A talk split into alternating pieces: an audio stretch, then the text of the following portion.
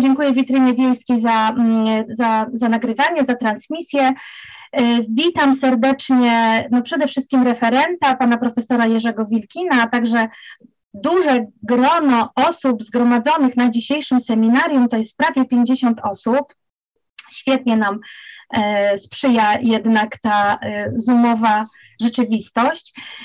Seminaria nasze Wirwiry, że odbywają się w każdy pierwszy poniedziałek e, miesiąca. E, jak Państwo wiecie, oczywiście wtedy, kiedy nie jest to święto, bo wówczas jest to kolejny poniedziałek, tą formę spotkań, tę, tą formę swobodnej wymiany myśli, nieskrępowanej dyskusji praktykujemy czy podtrzymujemy od 50 lat, bowiem w tym roku Instytut Rozwoju Wsi i Rolnictwa Polskiej Akademii Nauk obchodzi swój jubileusz 50-lecia.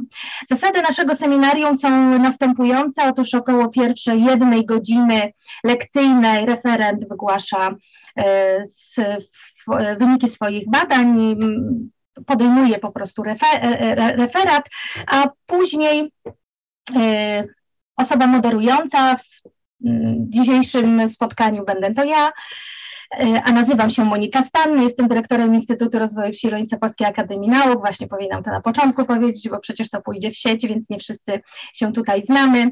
E, będzie po kolejnej godzinie, będzie godzina na, e, na dyskusję. Gościem dzisiejszym, dzisiejszym z referatem jest pan profesor Jerzy Wilkin, profesor nauk ekonomicznych, doktor honoris causa multi, członek Polskiej Akademii Nauk, kierownik Zakładu Integracji Europejskiej Instytutu Rozwoju Wsi i Rolnictwa Polskiej Akademii Nauk. Zainteresowania pana profesora to oczywiście ekonomika rolnictwa i rozwoju obszarów wiejskich, integracja europejska, ale te zainteresowania, które pewnie dzisiaj szczególnie zostaną włączone, to instytucjonalne uwarunkowania rozwoju, ekonomiczna rola państwa i sektora publicznego, to ewolucja i transformacja systemów społeczno-ekonomicznych. Pan profesor Jerzy Wilkin razem z panią profesor Marią Halamską i ze mną współkierował, współredagowaliśmy serię cykl wydawniczy Ciągłość i zmiana 100 lat rozwoju polskiej wsi. Był to interdyscyplinarny projekt, który właściwie w nas wszystkich obudził taki apetyt, apetyt na taki rozbiór logiczny, można powiedzieć, taki rozbiór historyczny, logiczny zmian na polskiej wsi. Jednym z wątków, które faktycznie wymagają od osobnego, odrębnego spojrzenia, jest geneza, rozwój i upadek y, PGR-ów. Aby zrozumieć y, historię PGR-ów, trzeba sięgnąć jak to pan profesor e, Wilkin również zaznaczył w swoich tezach, do dorobku różnych nauk społecznych i posłużyć się metodami analizy interdyscyplinarnej. I pan profesor Jerzy Wilkin podjął tą próbę, próbę syntezy e, szczególnego doświadczenia w rozwoju polskiego rolnictwa, jakim były państwowe gospodarstwa rolne utworzone i wspierane przez e, komunistyczne władze do 1990 roku. To nie jest pierwsze podejście pana profesora do tego tematu, bo przecież znamy z literatury pana profesora publikacje z końca lat 90. dotyczące zagadnienia chociażby racjonalizacji i marginalizacji właśnie w procesie przekształcania państwowych gospodarstw rolnych. Ale wyniki tej syntezy, którą, którą pan profesor dokonuje w tej chwili, nie tylko będziemy mogli wysłuchać dzisiaj, ale ukażą się one w formie e, monografii. Mamy nadzieję, że jeszcze w tym roku. A dziś zapraszam Państwa e, do wysłuchania referatu, a później do dyskusji właśnie w temacie państwowe gospodarstwa rolne, geneza, rozwój i upadek, doświadczenia eksperymentu instytucjonalnego. Panie profesorze, oddaję panu głos. Zapraszam. Dziękuję bardzo, dziękuję pani dyrektor. Witam serdecznie wszystkich zgromadzonych przed ekranami. E, proszę Państwa, ja może spróbuję uruchomić moje slajdy. Proszę Państwa, y, zatytułowałem Państwowe Gospodarstwo Rolne Geneza, Rozwój, Upadek, Doświadczenia Eksperymentu Instytucjonalnego. Y, proszę Państwa, moim zamierzeniem jest, tak jak Pani Profesor Stany powiedziała, przygotowanie monografii y, na ten temat, bo czuję pewnego rodzaju zobowiązanie Mianowicie w latach 90. i to w pierwszej połowie prowadziłem badania dotyczące reform na terenach PGR-owskich. Przeprowadzałem te badania w ramach mojej aktywności w Instytucie Studiów Społecznych Uniwersytetu Warszawskiego. To było dla mnie bardzo ciekawe doświadczenie. Zgromadziłem tam sporo materiału takiego empirycznego, który tylko moim zdaniem częściowo został wykorzystany w, w publikacjach, które, które przygotowałem na ten temat. E, I po latach e, postanowiłem wrócić. I wytłumaczę Państwu dlaczego e, za chwilę, ale to mm, jak mówię, za kilka minut. Zacznę od takiego mm, cytatu, który znalazłem niedawno.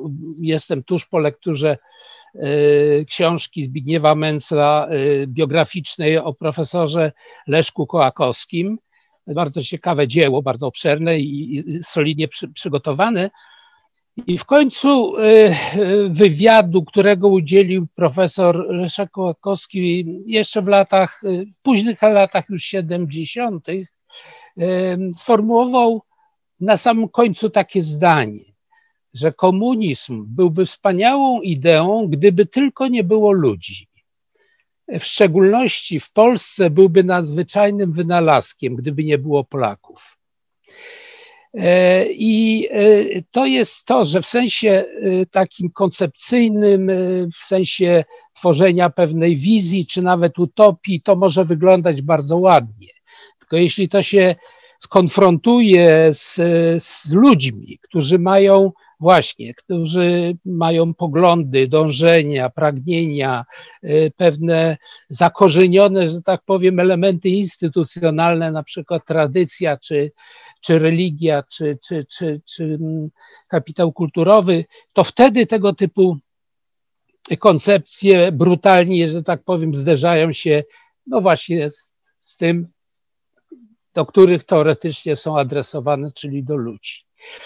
I taką tezą, którą sformułowałem, tezą ogólną, że utworzenie i rozwój PGR-ów były próbą realizacji socjalistycznej utopii, która ostatecznie okazała się dystopią. Na marginesie ja swojego czasu, to Państwo, to, to część z Państwa zna tę pracę, przeprowadziłem porównania różnych sposobów przekształcania czy ewolucji rolnictwa, różne modele rolnictwa w świecie, w swojej książce o mm, kwestii agrarnej. E, I tam e, w środku tej książki był taki rozdział, e, który został wycięty przez cenzurę całkowicie. To było 35 stron ze środka już złożonej książki i w tytule, i tytuł tej książki to był Rolnictwo izraelskie, próba realizacji socjalistycznej utopii. I tamta utopia została w dużym stopniu zrealizowana. Aczkolwiek, jak już porównuję teraz z tym, co się stało, na przykład z kibucami, moszawami i tak dalej, to zauważam, że one musiały się w dużym stopniu upodobać do komercyjnych gospodarstw wielkoobszarowych, ale cały szereg elementów tradycji i, i szczególnego wspólnotowego gospodarowania jeszcze zachowały.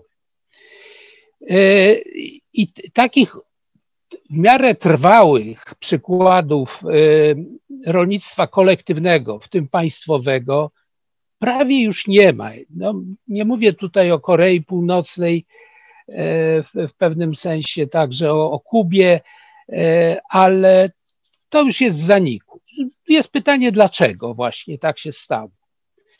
Ale tak jak obiecałem,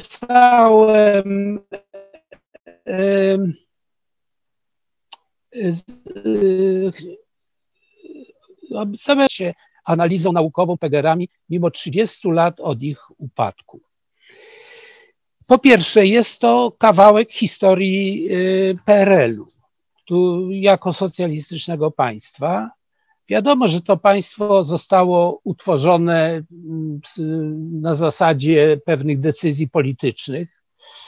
E, także rolnictwo to kolektywne jest pewnym no, składnikiem tej socjalistycznej utopii, którą próbowano e, u nas wdrażać i w wielu innych krajach. Ona się okazała, jak już powiedziałam, dystopi dystopią, czyli światem chaotycznym, nieoporządkowanym, czy wręcz e, katastroficznym. I proszę Państwa, e, te doświadczenia krajów socjalistycznych, zwłaszcza Związku Radzieckiego, Chin,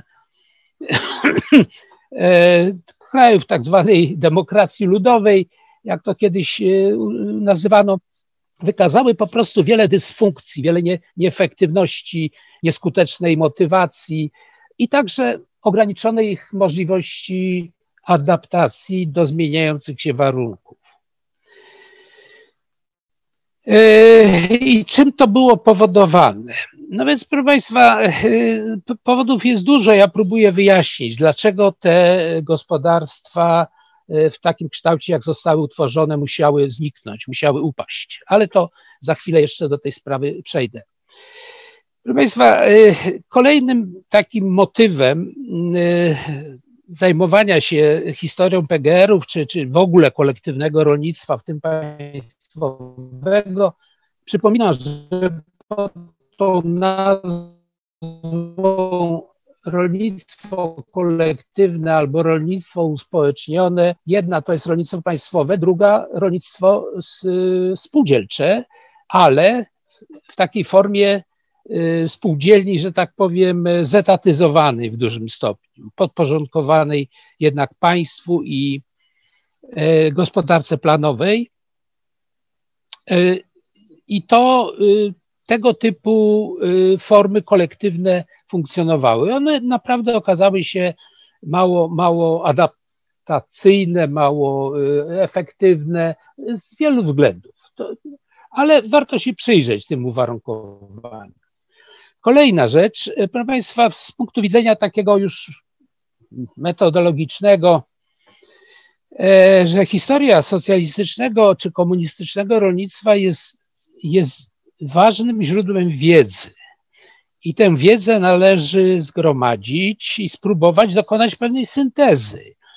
E, takim moim za, zamiarem było przygotowanie pewnego rodzaju syntezy wiedzy na ten temat, ona będzie ograniczona. Ja nie mam złudzeń, że to będzie super y, synteza, ale w tym kierunku w każdym razie idę.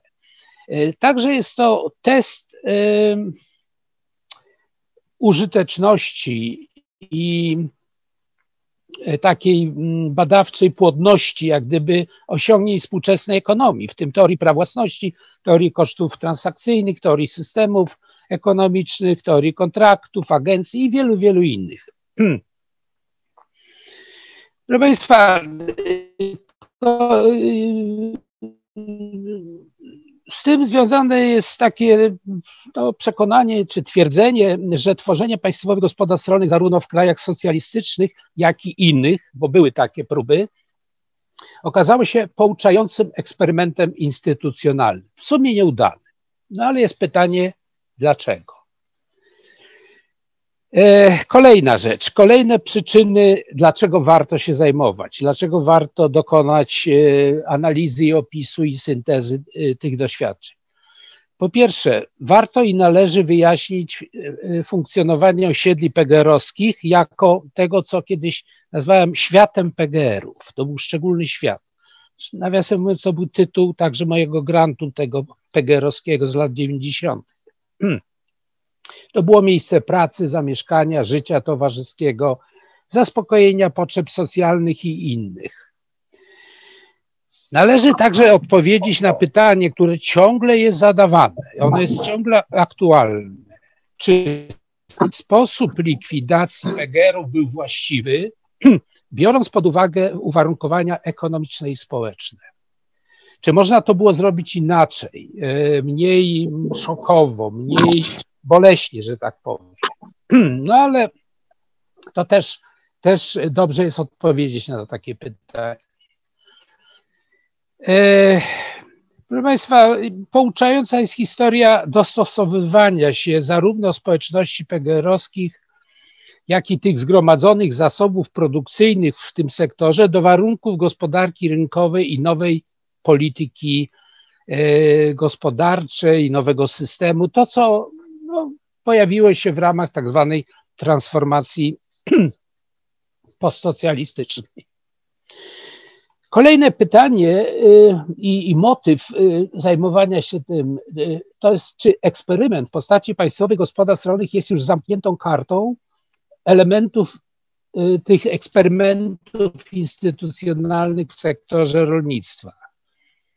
Czy można wrócić do, do, do tworzenia państwowych gospodarstw na przykład, e, a teraz jest w naszym kraju moda na to, żeby upaństwawiać to, co się tylko da. E, czy to już jest zamknięta karta i nie ma tego powrotu do tej formy e, gospodarowania? I pytanie ostatnie, czego uczy nas przedstawicieli nauk społecznych właśnie historia gospodarstw kolektywnych, w tym państwowych gospodarstw rolnych. To jest wyzwanie dla badaczy, y, no, szczególnie nauk społecznych, ale także humanistycznych. No, nasz instytut y, organizował, przygotowywał y, seminaria, w których uczestniczyli przedstawiciele, znawcy na przykład literatury, kultury i tak dalej. To jest również temat dla tego typu badaczy. Proszę Państwa, ja y, dzisiaj się skupię w mojej prezentacji przede wszystkim na kwestiach metodologicznych, bo uznałem, że one są niezwykle ważne i mało rozpracowane.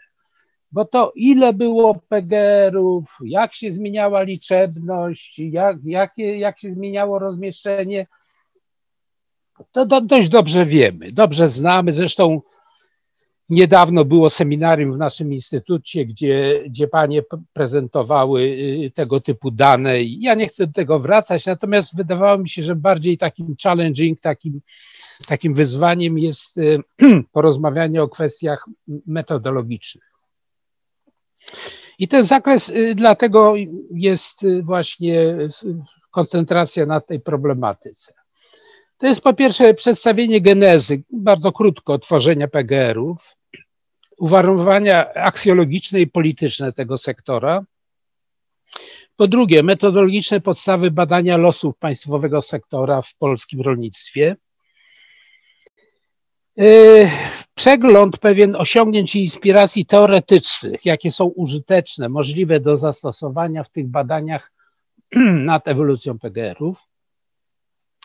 I to yy, ja nie uwzględniam e, w tej, tej prezentacji, to będzie monografii, ale tu nie ma, e, nie uwzględniam losów społeczności pegerowskich i majątku z tym związanego, czyli tą prywatyzacją, przekształcaniem po 1989 roku. Stwierdziłem, że tego byłoby za dużo na jedną prezentację i dlatego, jak mówię, skupiłem się na, na tamtych kwestiach o charakterze e, po pierwsze metodologicznym, po drugie do czasu, kiedy one były, te PGR-y funkcjonowały, czy końca lat 80. Natomiast y, moje pytania badawcze dotyczące całego projektu są znacznie, znacznie szersze. Ja tam podałem na tych czterech stronach wcześniej y, przesłanych, ale chciałem to, to, przypomnieć, że po pierwsze, jak kształtowała się ewolucja sektora państwowego gospodarstw rolnych i jakie były etapy tej ewolucji, a także jakie były uwarunkowania polityczne, ideologiczne i gospodarcze, które ten proces determinowały. To, to jest pierwsze. Pierwsze pytanie. E, drugie, czy tworzenie, utworzenie państwowych gospodarstw rolnych i ich funkcjonowanie przez ponad 40 lat było istotnym czynnikiem rewolucji społecznej nie tylko w rolnictwie, i, ale też w skali kraju. Na przykład tu odwołanie do książki Ledera o, o prześnionej rewolucji, e, gdzie on pisze o PGR-ach, nawiasem mówiąc, również. E, kolejne, co wnosi wiedza z zakresu analizy porównawczej systemów ekonomicznych, ekonomii instytucjonalnej i ekonomiki rolnictwa do wyjaśnienia procesu powstawania, przekształceń i upadku PGR-u.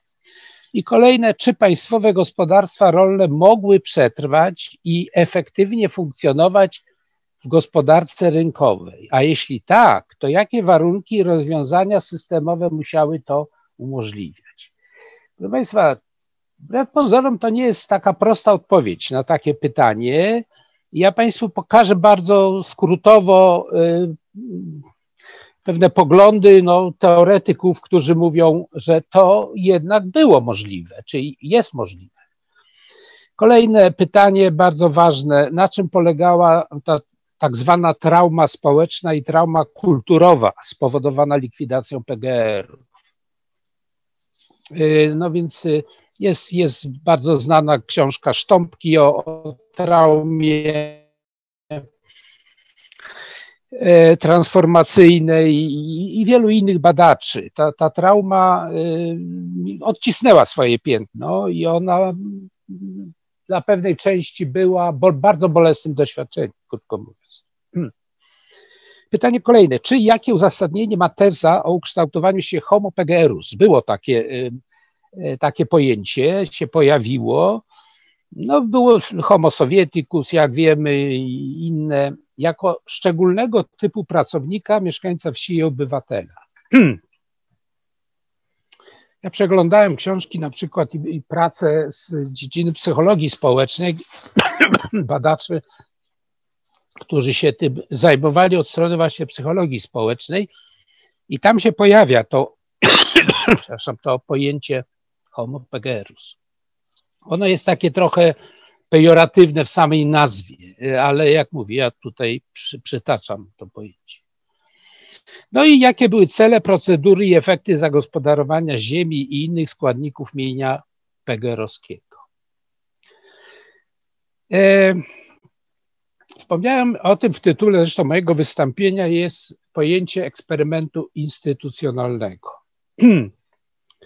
Proszę Państwa, Gospodarstwa państwowe w zamierzeniach władz komunistycznych miały być wzorcem rozwoju rolnictwa. To miał być przykład nowoczesnego, zmechanizowanego i tak dalej y, rolnictwa, które, y, które byłoby nie tylko y, efektywne, ale byłoby też atrakcyjne dla otoczenia, bo przecież gospodarstwa państwowe i spółdzielcze w Polsce tworzone były w otoczeniu na ogół chłopskiego rolnictwa. Przez cały czas istnienia tych y, PGR-ów była pewnego rodzaju y, konkurencja y, w tym sektorze rolniczym. To wiemy o tym dobrze, że tak było. A więc presja pewna była, także presja modernizacyjna. Ale ta modernizacja, która jest charakterystyczna dla PGR-ów, często nazywana jest ułomną modernizacją. E, I, i, i to była ułomna modernizacja. I ta modernizacja nie zawa zrównoważonym i trwałym e, rozwojem rolnictwa, e, czy, czy tego, co takie modne słowo resilience się pojawiło, pewnego rodzaju y, żywotne rolnictwo, zarówno w warstwie społeczno-ekonomicznej, jak i kulturowej. Proszę Państwa, dla, jednakże dla badacza y, procesów społecznych ten eksperyment instytucjonalny był ciekawy i jest ciekawy i skłania do wyjaśnienia, dlaczego okazał się eksperymentem nieudany dlaczego mm, e, ta komparatywna przewaga tego typu e, gospodarstw nie została wykazana. E, mimo różnych prób racjonalizacji, bo takie też oczywiście były w tym sektorze. Przypomnienie króciutko, ponieważ użyłem w tytule i w tekście te, no, tego pojęcia eksperyment instytucjonalny. Czym on jest tak naprawdę? No to, aby odpowiedzieć na to pytanie, trzeba wykorzystać no, dość szeroki dorobek ekonomii, czy w ogóle tego nurtu instytucjonalnego, zarówno w tej klasycznej amerykańskim nurcie weblenowskim, jak i nowej ekonomii instytucjonalnej, która została w ekonomii bardzo zresztą doceniona. Jest już y, chyba o co najmniej ośmiu laureatów Nagrody Nobla w, ekonomii, uprawiających różne y, nurty ekonomii instytucjonalnej. Proszę Państwa, y, eksperyment instytucjonalny, jakim był system gospodarki planowej, motywowany był względami ideologicznymi i on dotyczył e, dwóch sfer instytucji. Po pierwsze, instytucji nieformalnych, przez wielu badaczy uważanych za najważniejsze instytucje, jakie funkcjonują, na przykład tradycji, religii, kapitału kulturowego, utartych wzorów zachowań e, i, i myślenia, takie mental constructs, e, jak to się określa. Jest ich dużo. Te, te, te nieformalne to są, to jest dość istotna część w ogóle trady, no, y, układu instytucjonalnego, czy takiej matrycy instytucjonalnej, w której funkcjonujemy. No i istnieje wiele instytucji formalnych, takich, y, które najczęściej mają formę prawną. To są różnego rodzaju e, regulacje prawne, ale także struktury organizacyjne. Na przykład struktura państwa jest taką e, instytucją formalną, czy systemy zarządzania i tak dalej. I obie te sfery uwarunkowań instytucjonalnych okazały się przeszkodą w osiągnięciu e, no, żywotnego, takiego efektywnego gospodarstwa państwowego. Tu przy okazji, jak czyta tych czołowych twórców y, gospodarki tej, tej socjalistycznej, komunistycznej, y, w ogóle państwa i systemu socjalistycznego, to tam się pojawia postulat y, i przekonanie o możliwości ukształtowania nowego człowieka. Taki, który, który będzie innym człowiekiem niż, niż, niż ten dotychczasowy. Wydawało im się, że można zmienić wszystko, y, że y, tam było takie założenie, które nazywam y, założeniem plastyczności systemów społeczno-ekonomicznych i tak dalej, że to są na przykład mentalność ludzi, tradycja, stosunek do wielu tam ważnych rzeczy, że są w pełni plastyczne do, do ukształtowania. To była część utopii, nawiasem mówiąc. Co prawda, y, jak y, spojrzymy teraz na to, jak, jaką rolę mają instytucje formalne, te tworzone, no przecież w, w ekonomii instytucjonalnej mówi się o y, takim instytucjach konstruowanych. Znany socjolog ze szkoły chicagowskiej, James Coleman, E, napisał kiedyś taką, no on wielu to, to, to w swoich pracach o tym, o tym wspominał, ale taki, taki sztandarowy artykuł o racjonalnej rekonstrukcji społeczeństwa, gdzie przyjął, że można ukształtować i wprowadzić instytucje, które bardzo istotnie zmieniają warunki funkcjonowania społeczeństwa, gospodarki, państwa i wiele, wiele innych. W pewnym sensie on też uważał, że ta plastyczność instytucji jest dość duża, ale jak się okazuje, tu istnieje cały szereg ograniczeń. E, w tych metodologicznych podstawach e, analizy, które ja przyjmuję, to e, po pierwsze biorę pod uwagę to, że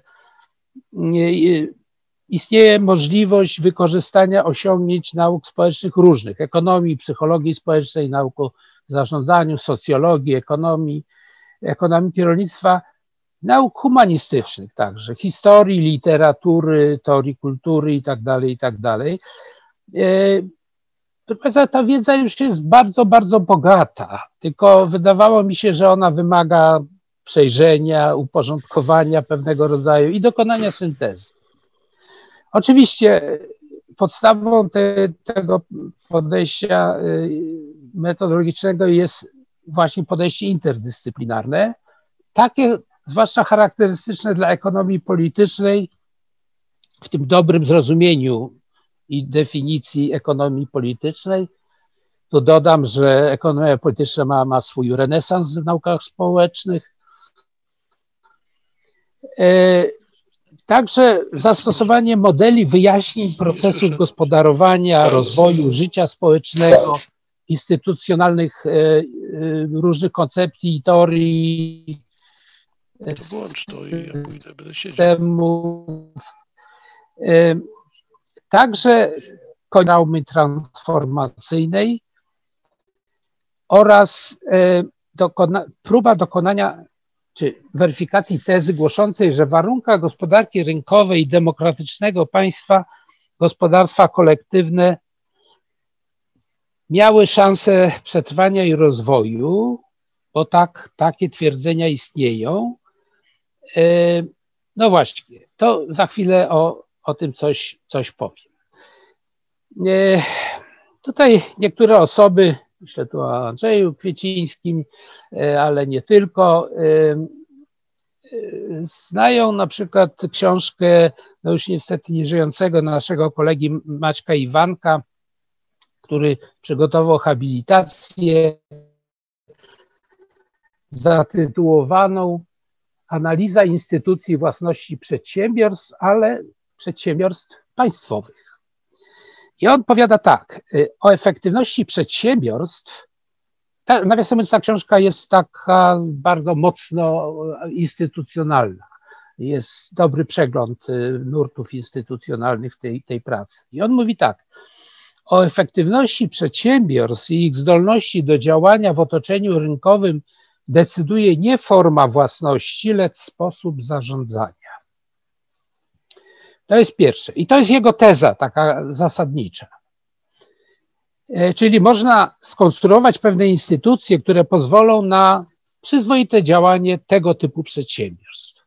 Drugie, e, drugi cytat pochodzi od, od e, Stiglica, Y, od Józefa Styglica, różnice między przedsiębiorstwami państwowymi a wielkimi korporacjami, zwłaszcza jedne i drugie poddawane, które są poddawane presji rynku i konkurencji, mogą być mniej istotne niż się to na ogół przyjmuje. Y, I trzeci cytat z y, Dzisław Sadowski, nasz, nasz już też niedawno zmarły ekonomista, i polityk y, gospodarczy, napisał tak. Trzeba pamiętać, że w dzisiejszym świecie kierowanie przedsiębiorstwami nie należy już do właścicieli, lecz do menedżerów. Nie system własności, lecz system zarządzania jest najważniejszy dla efektywności. Dla menedżera jest właściwie obojętnie, kim są właściciele kapitału. Mogą to być prywatni kapitaliści, a może być skarb państwa. I to jest e, prawdziwe. Teoretycznie to jest jak gdyby wykonalne. Tylko tak, po pierwsze, w dawnym systemie socjalistycznym nie było ani e, presji rynku, ani konkurencji takiej normalnej. W związku z tym nie działały bardzo ważne dwa mechanizmy weryfikujące efektywność gospodarowania. E, I mechanizmy, które jak gdyby wywierają presję na odpowiedni rodzaj y, gospodarowania i, i rozwoju. I teraz, proszę Państwa, to w zasadzie pewnej takiej y, ciekawostki. Y, moja analiza jest no, głównie analizą ekonomiczną, chociaż jak już mówiłem, sięga do dorobku innych nauk społecznych. E, twierdzenie takie wśród ekonomistów jest, że Ekonomia jest nauką modelującą. Ekonomia, podobnie zresztą jak nauki eksperymentalne, ścisłe i tak dalej, posługują się modelami. Ale niektórzy wyobrażają sobie, że model ekonomiczny to jest model tam przede wszystkim ekonometryczny, pełen wzorów i, i, i skomplikowanych, takich sformalizowanych zależności. Nie. Modele mogą być stosowane również w naukach humanistycznych całkiem dobrze. E, I to pochodzi z takiej, ten cytat z książki wydanej w Stanach Zjednoczonych. E, autorami są Love i March. Ten, no, znani tacy badacze, March razem z Simonem napisał jeden z najbardziej cytowanych artykułów dotyczących teorii organizacji. I on mówi tak, model to uproszczony obraz realnego świata. Ma on niektóre cechy realnego świata, ale nie wszystkie. Model jest zestawem powiązanych przypuszczeń. Tu jest taki, on używa słowo gesys, takich zgadywanek, jak gdyby, o tym, jaki jest świat. Podobnie jak wszystkie obrazy, model jest prostszy niż zjawiska, które chce reprezentować czy wyjaśnić. Ponieważ model posiada tylko niektóre cechy odzwierciedlanej rzeczywistości, to jest rzeczą naturalną, że możemy mieć wiele różnych modeli tego samego obiektu badań, przedstawiających różne jego właśnie te aspekty. I jeszcze dwa takie bardzo charakterystyczne dla tego podejścia. Tworzenie modeli powinno dawać ich twórcom przyjemność i pozytywne wrażenia estetyczne. Rzadko się znajduje w pracach na temat modeli e, i, i, i to, że ma dawać twórcom przyjemność i pozytywne wrażenia, zwłaszcza estetyczne. Modele w naukach społecznych nie muszą i nie są y, takim narzędziem badawczym, czy gorszym narzędziem badawczym niż w naukach ścisłych czy przyrodniczych. A główne przyjemności z uprawiania nauk społecznych wynikają z zasadniczej właściwości istot ludzkich. Człowiek potrafi generować bardziej złożone zachowania niż jest w stanie je zrozumieć. W rezultacie modelami ludzkich zachowań są wiedza, ideologia i sztuka. To są metafory, za pomocą których staramy się upewnić, że nasze rozumienie zachowań, złożoność zachowań i liczba pytań dotyczących zachowań zwiększa się. Naszą ekscytację, nasza ekscytacja wynika z tego, że możemy uczestniczyć w tej spirali. I to jest przygoda intelektualna. Y, jak powiedziałem, chcę wykorzystać y, bliskie mi y, podejście też metodologiczne ekonomii politycznej, przy, przy okazji przez 18 lat miałem okazję kierować katedrą ekonomii politycznej i udało mi się nawet zachować jej nazwę w czasach, kiedy wszystkie na początku lat 90. katedry i uczelnie zmieniały nazwy na takie bardzo nowoczesne i, bardzo, że tak powiem, trendy w, tym, w tamtym okresie. E, po pierwsze, właśnie, y, podejście tej, tej, tego, co nazywam ekonomią polityczną, to jest ewolucyjność przede wszystkim. Y, traktowanie tego, że zarówno procesy gospodarcze, jak i rządzące nimi prawa są zmienne, zróżnicowane, a szczególne znaczenie dla ich przebiegu mają instytucje i zmiany instytucjonalne. To jest pierwszy, y, pierwsza cecha. Druga, że to jest podejście systemowe i holistyczne E, trzecia to jest zakładają zmienność preferencji wzorów zachowań uczestników gospodarowania. Tu, tu się kwestionuje, że modele człowieka gospodarującego opierają się na właśnie tym modelu homo economicus, że mogą być różne inne modele człowieka, zresztą one się zmieniają. Także, co jest ważne, traktowanie gospodarki jako systemu władzy i rozpatrywanie państwa i gospodarki jako komplementarne, niekiedy konkurencyjne źródła zachowań i zmian instytucjonalnych. Także zwracanie szczególnej uwagi na procesy dystrybucji dochodów i bogactwa.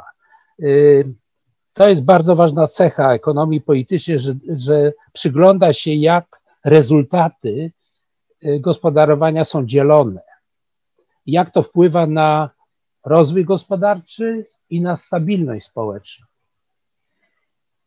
E, podział, tu przy okazji pojawia się czasami takie pojęcie koszty stabilizacji społecznej.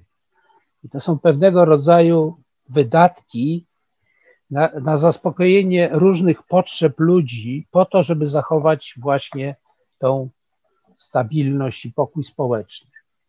Także docenianie podstaw normatywnych, czy tego, co się nazywa aksjologią ekonomii y, i polityki gospodarczej, ze szczególnym uwzględnieniem właśnie tych wartości społecznych.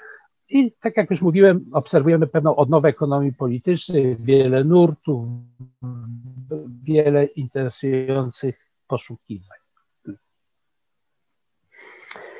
W swoim tym, tych, tych badaniach i podejściu yy, yy, biorę pod uwagę yy, wiele osiągnięć historii po prostu. I mianowicie tutaj takim bardzo inspirującym historycznym źródłem są prace, nie wiem, Witolda Kuli e, z, z naszego tego uniwersyteckiego e, ośrodka, czy, czy warszawskiego, ale także poznańskie szkoły Jerzego Topolskiego. E, I on tu podsuwa taką koncepcję tradycji, że badania PGR-ów tutaj można wykorzystać pewną tradycję historyczną, histograficzną, w tym studia przypadków. I, I powiada tak, y, co jest ważne. Y, wyjaśnienie, czyli szukanie odpowiedzi na pytanie dlaczego, jest samym sercem nauki, jest głównym zadaniem historii. I podążając tą wskazówką metodologiczną, powinniśmy zadać szereg pytań dotyczących analizowanego przez nas obszaru zjawisk. Na przykład, dlaczego PGR-y powstały w naszym kraju w ogóle, Dlaczego nie znalazły trwałego i racjonalnie uzasadnionego miejsca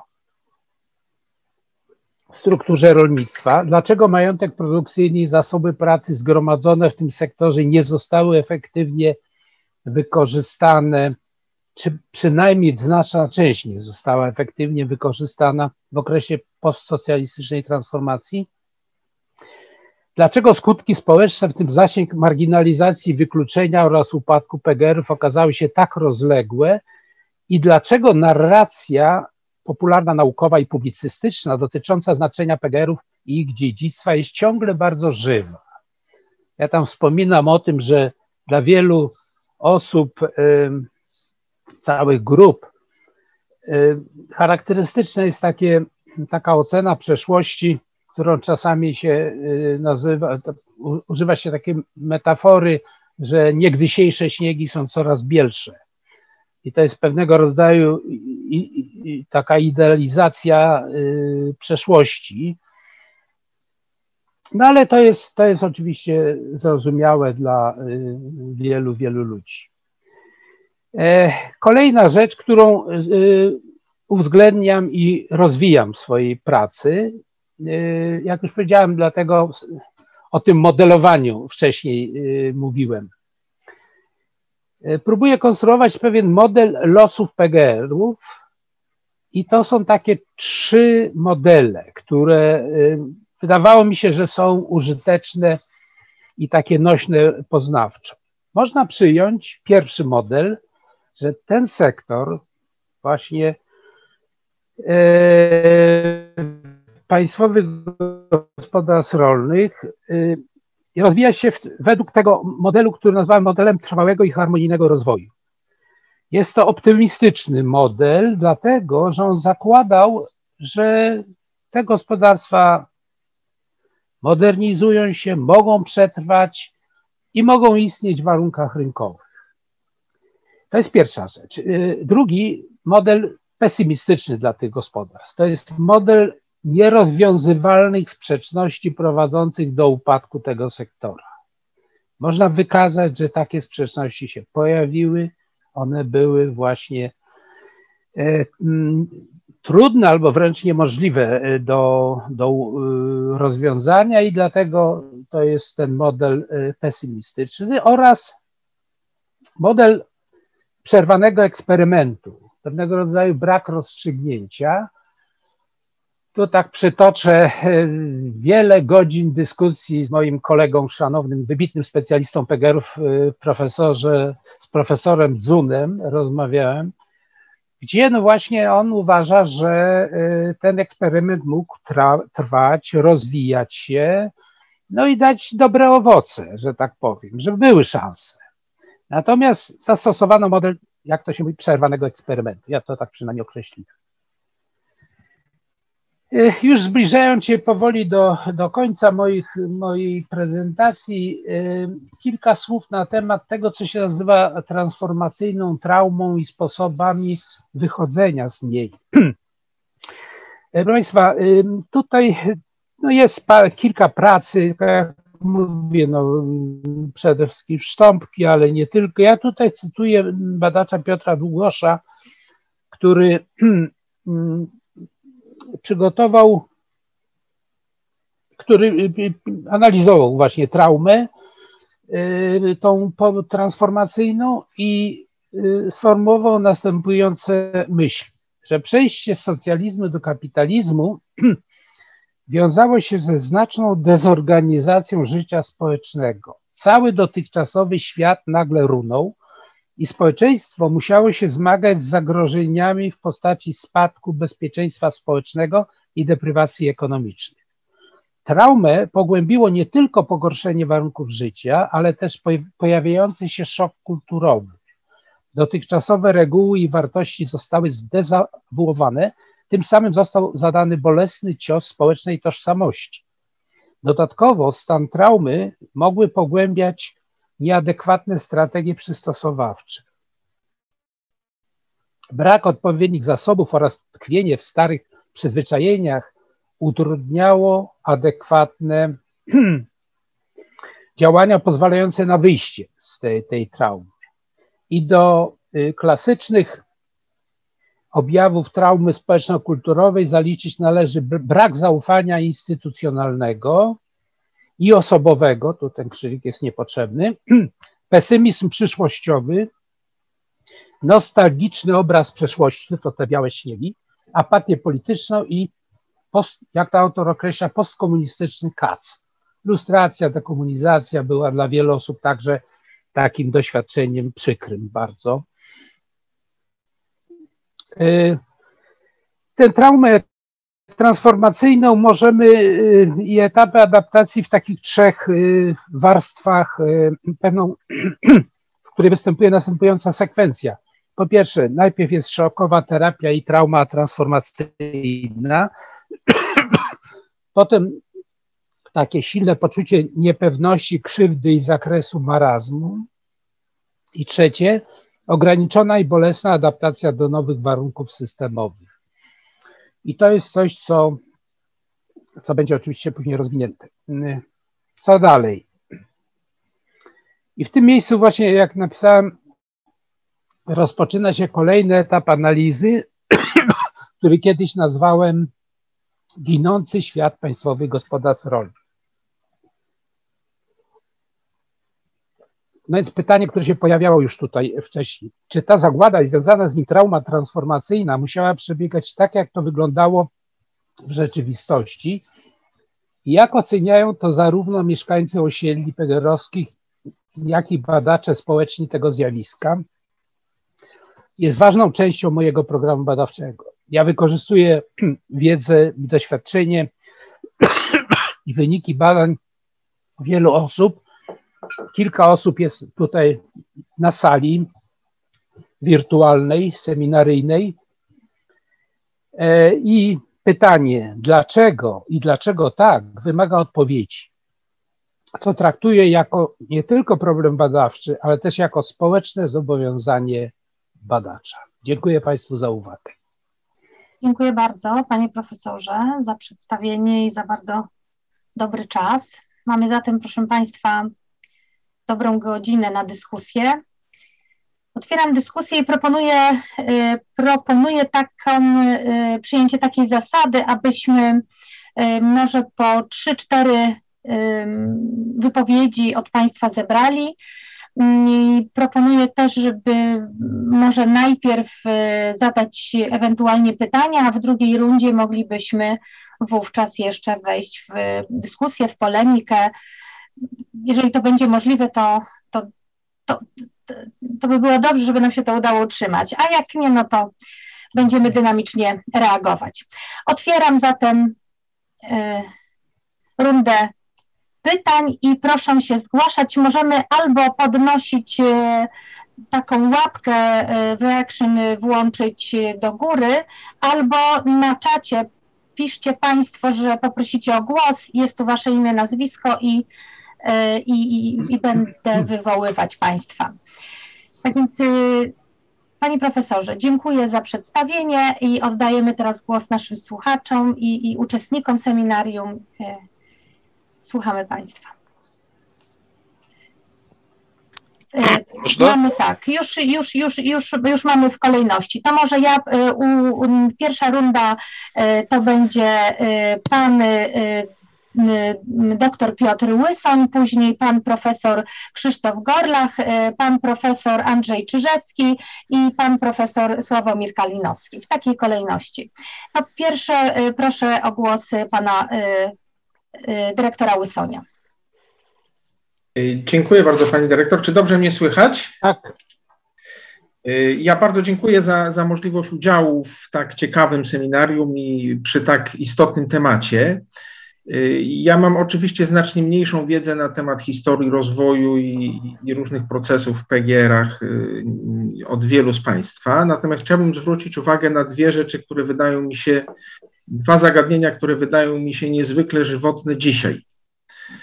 Y, nazwałbym je takim sprzężeniem problemów ziem zachodnich i północnych ze sprzężeniem i problemów obszarów popegierowskich. Z moich takich bardzo zgrubnych, y, szacunkowych wyliczeń wynikało, że około 2 trzecie jednostek PGR-owskich mieści się na ziemiach zachodnich i północnych. To jest tak naprawdę mniej niż y, przeciętny uczestnik dyskusji mógłby się spodziewać, ale y, to sprzężenie problemów ziem zachodnich i północnych z problemami obszarów popegierowskich wydaje mi się szczególnie istotne. I w kontekście dzisiejszym myślę, że są y, trzy ważne aspekty, do których należałoby się odnieść. O jednym już pan profesor sporo powiedział, czyli o, tych, o tym kompleksie spraw y, społeczno-gospodarczych, tak to nazwijmy, czyli y, takiego zagubienia osób wcześniej związanych z PGR-ami w dzisiejszej rynkowej rzeczywistości, mniej więcej prawie 30 lat od rozwiązania PGR-ów ale są jeszcze dwa ważne wątki, które wydają mi się nie mniej istotne. Jeden wątek to jest deficyt własności. Yy, I mam głębokie przekonanie, że różne procesy w Polsce, w tym procesy gospodarcze, ale też otwartość na, na pewnego rodzaju mniejszą lub większą aktywność, radzenie sobie w życiu, yy, możliwość gospodarowania zasobami, wiąże się z tym, yy, co w jakim zakresie dana osoba czy dana rodzina posiada. I y, w tym deficycie własności na obszarach popegierowskich widziałbym y, bardzo istotny problem, do którego należałoby nawiązać i który myślę, że warto byłoby przełamywać. I drugi wątek to jest deficyt zakorzenienia.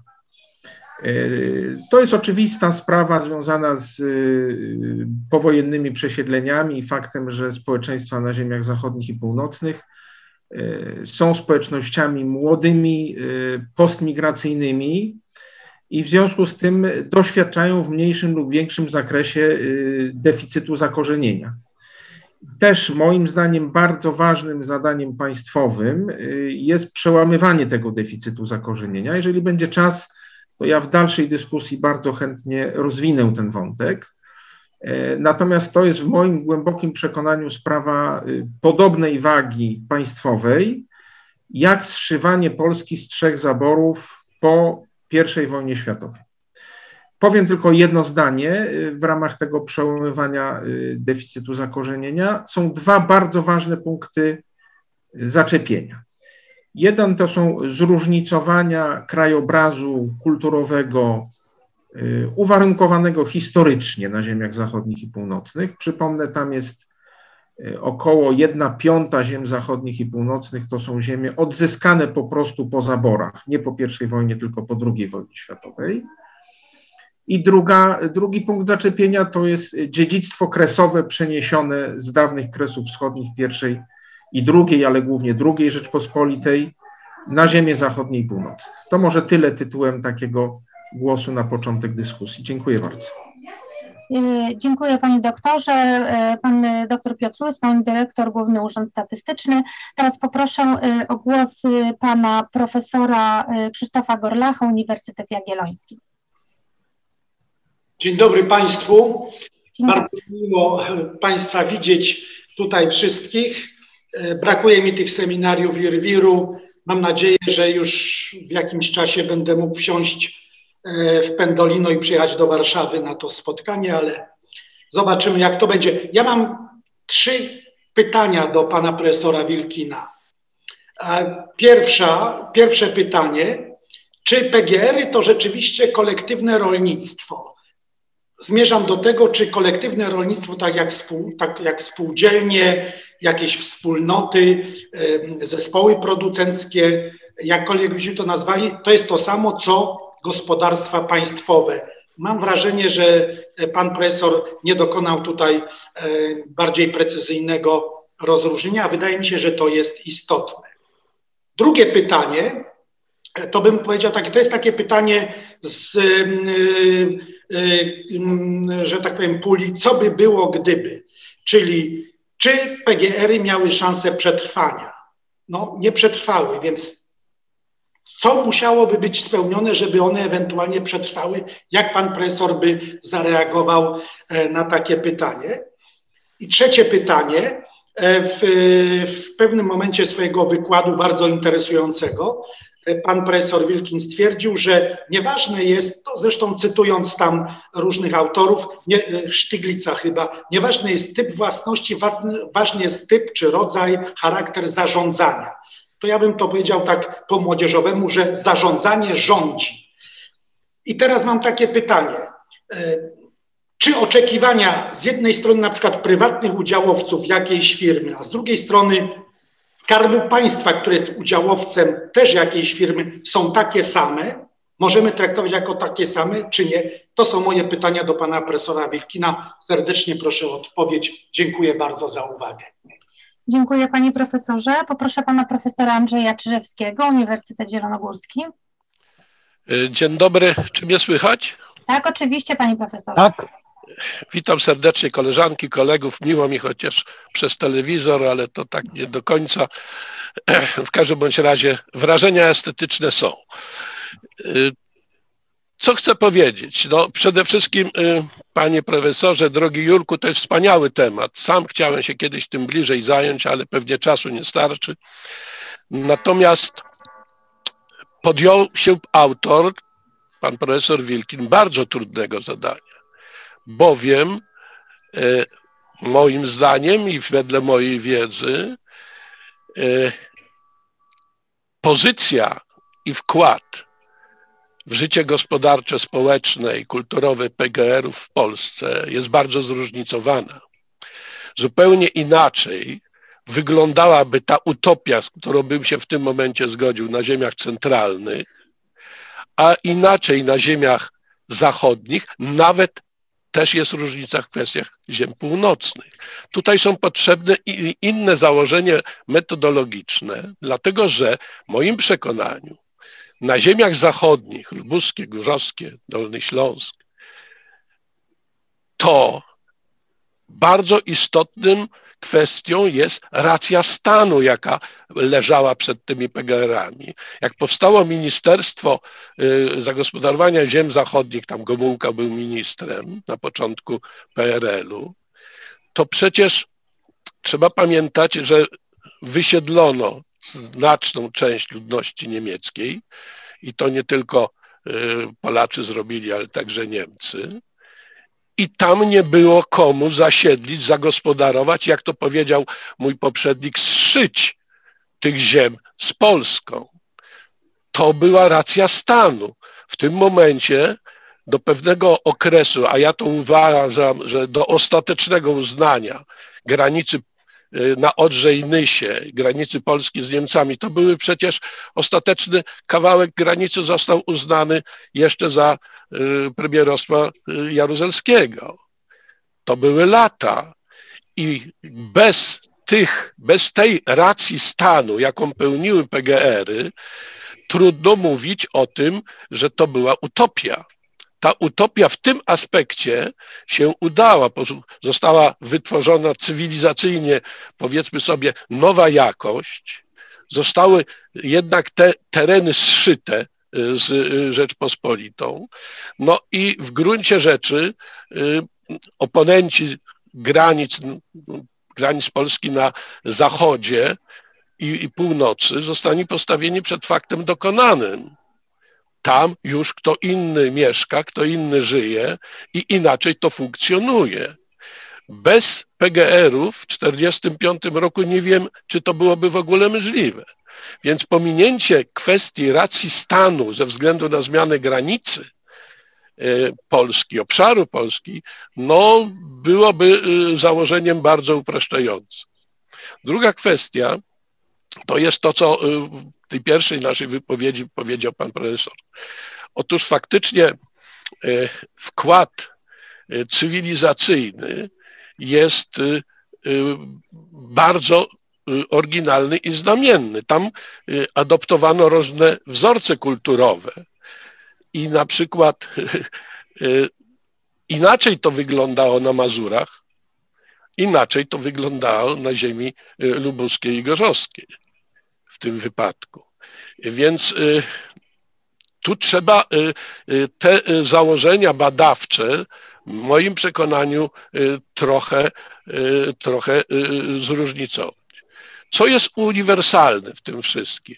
No mianowicie tak, są trzy bariery. Bariera popytowa, dochodowa, bariery mówię w, w relacjach, w stosunkach agrarnych Polsce. Bariera popytowa, dochodowa, przemian strukturalnych. I nie wszędzie, no i oczy na to się nakłada przymus konsumpcji żywności. I nie wszędzie na terytorium Polski była, y, powiedzmy sobie, y, ta y, PGR okazały się utopią. Na ziemiach zachodnich Oczywiście był okres niepotrzebny moim przekonaniu, to też pan profesor Dzun tak mówi, tego bezkrólewia, bo trzeba było po prostu y, po zmianie ustroju skomercjalizować te PGR-y, i, a potem sprywatyzować. Dzisiaj mm, na, w Zielonogórskim, prawda, które poznaję coraz bardziej, funkcjonuje zupełnie przyzwoicie własność prywatna tak jakby weszła w te stare, y, powiedzmy sobie, y, przed czy po niemieckie struktury obszarowe i, i, i, i funkcjonowania. Natomiast y, już społeczeństwo jest inne. Mam rzadką sposobność porównań, jak reagowała młodzież w Wielkopolsce, gdzie wykładałem prawie 49 lat i na przykład zielonogórskim, lubuskim, gdzie wykładam powiedzmy sobie 10 plus te kolejne lata teraz. Reakcje tych młodych ludzi, którzy się biorą z tego, że to są na zachodzie, to są następcy y, tych zmian pokoleniowych, cywilizacyjnych, są inne są inne. Także mm, ostrożnie z unifikacją y, tych założeń metodologicznych w kwestii PGR-ów dla całego kraju. A poza tym, no, fascynujący temat i bardzo ładnie przedstawiony. Dziękuję bardzo. Dziękuję panie profesorze i pan profesor Sławomir Karlinowski, IRWIR. Dziękuję panie profesorze za niezwykle ciekawe wystąpienie, tym bardziej, że samemu interesują mnie losy byłych pracowników PGR-ów i byłych wsi popGR-owskich. Z wielkim, e, z wielką estymą wysłuchałem pana profesora wystąpienia i czekam na publikację. Ja mam takie pytanie, może takie trochę związane e, z komentarzem. Według szacunków zostało około 200, no może 230 tysięcy osób, które w jakiś sposób były jeszcze powiązane z PGR-em, które E, pracowały w PGR-ze nadal 30 lat po, e, po ich rozwiązaniu, to jeszcze jest taka grupa osób. I jak dać zadośćuczynienie? Co zrobić, by, by, mm, by za tę utraconą pracę, za te utracone możliwości, ale przede wszystkim za to, że nie wyposażono tych osób przez, e, przez te 30 lat ich i ich potomków, dzieci nie wyposażono w pewne umiejętności, w mm, takie, które, które dałyby możliwość znalezienia się w tej nowej rzeczywistości. Czemu nie, nie wdrażano narzędzi, które zapobiegałyby dziedziczeniu biedy, e, nie tylko e, przez potomków samych pracowników PGR-u, ale całe, całe miejscowości. Dziedziczenie, mówię dziedziczenie biedy, ale też myślę o dziedziczeniu pewnych postaw, pewnych e, braku umiejętności zdobywania tychże postaw i tak dalej. I to jest jakby pierwsza część. I druga, co pan profesor myśli o programie, który nie tak dawno szumnie ogłaszano w telewizji 250 e, milionów dla każdej gminy, gdzie były, by, e, gdzie były PGR-y. E, czy, czy ten program spełni swoje oczekiwania? Jak pan profesor myśli, co, czy, czy faktycznie te osoby, które były związane z PGR-ami, dzięki temu zyskają jakieś umiejętności, jakieś możliwości, no to może postawię tutaj kropkę na. Dziękuję. Y, Sławku, oddaję głos panu profesorowi. Ja tylko dodam, że chyba się przejęzyczyłeś, nie 250 milionów dla każdej gminy, tylko chyba na cały program, program. bo to jest taka kwota, jak podzielimy na PGR-y, że na, e, na trzy lampy wystarczy. Dla wszystkich gmin, tak. Nie, oczywiście nie dla każdej gminy, bo to by było idealne. E, panie profesorze, pan profesor Jerzy Wilkin oddaje głos i później będzie druga runda, już mamy trzy osoby zgłoszone. Świetnie, dziękuję bardzo za te pytania i bardzo, bardzo ciekawe komentarze też. E, w, w trzech w zasadzie wystąpieniach i pytaniach pojawiła się kwestia e, konieczności innego traktowania ziem zachodnich i północnych e, w odniesieniu do analizy właśnie PGR-ów. Ja Przyznaję, że faktycznie o tym nie mówiłem, ale sporo o tych sprawach myślałem i nie tylko myślałem. E, doceniam e, przede wszystkim to, że mm, tam były tworzone jednak PGR-y na ziemi, która nie była jeszcze wtedy ziemią zasiedloną. Nie wydzierano tej ziemi, e, powiedzmy, ja już nie mówię o mm, przemieszczaniu i wysiedlaniu y, ludności niemieckiej, ale nie odbierano na przykład chłopom, y, którzy gospodarowali tak, jak to się działo w innych miejscach, na przykład w okresie mm, takiego przymusu tworzenia spółdzielni produkcyjnych, albo jeszcze gorsze przykłady poza naszymi granicami. Y, dlatego też uważam, że mm, ten proces tworzenia PGR-ów w Polsce przebiegał znacznie łagodniej niż y, w innych krajach socjalistycznych, y, czyli tego takiego terroru i przymusu było znacznie, znacznie mniej, no po prostu. Dlatego, że, że to była ziemia do zagospodarowania w tamtym momencie i to, to, i to trzeba faktycznie uwzględnić. A więc nie można stosować jednolitego podejścia do wyjaśniania losów y, PGR-ów na ziemiach zachodnich i na ziemiach pozostałych y, w Polsce. Z tym się absolutnie zgadzam. Y, proszę Państwa, to jest także to, to o czym dr Łysoń mówił, ta kwestia zakorzenienia. Faktycznie tam przyjechali ludzie, którzy zostali wyrwani w pewnym sensie z innych terenów, no właśnie na, na tych te, terenach Polski Wschodniej przedwojennej, e, z centralnych części Polski i tak dalej, przesiedlili się na ziemie zachodnie, które oferowały im nowe warunki rozwoju. No ale te osoby, jak mówię, jak były y, wykorzenione, że tak powiem, z jednego miejsca, a jeszcze nie zakorzenione w, w drugim miejscu, y, to, to, y, to, to miało istotne znaczenie oczywiście.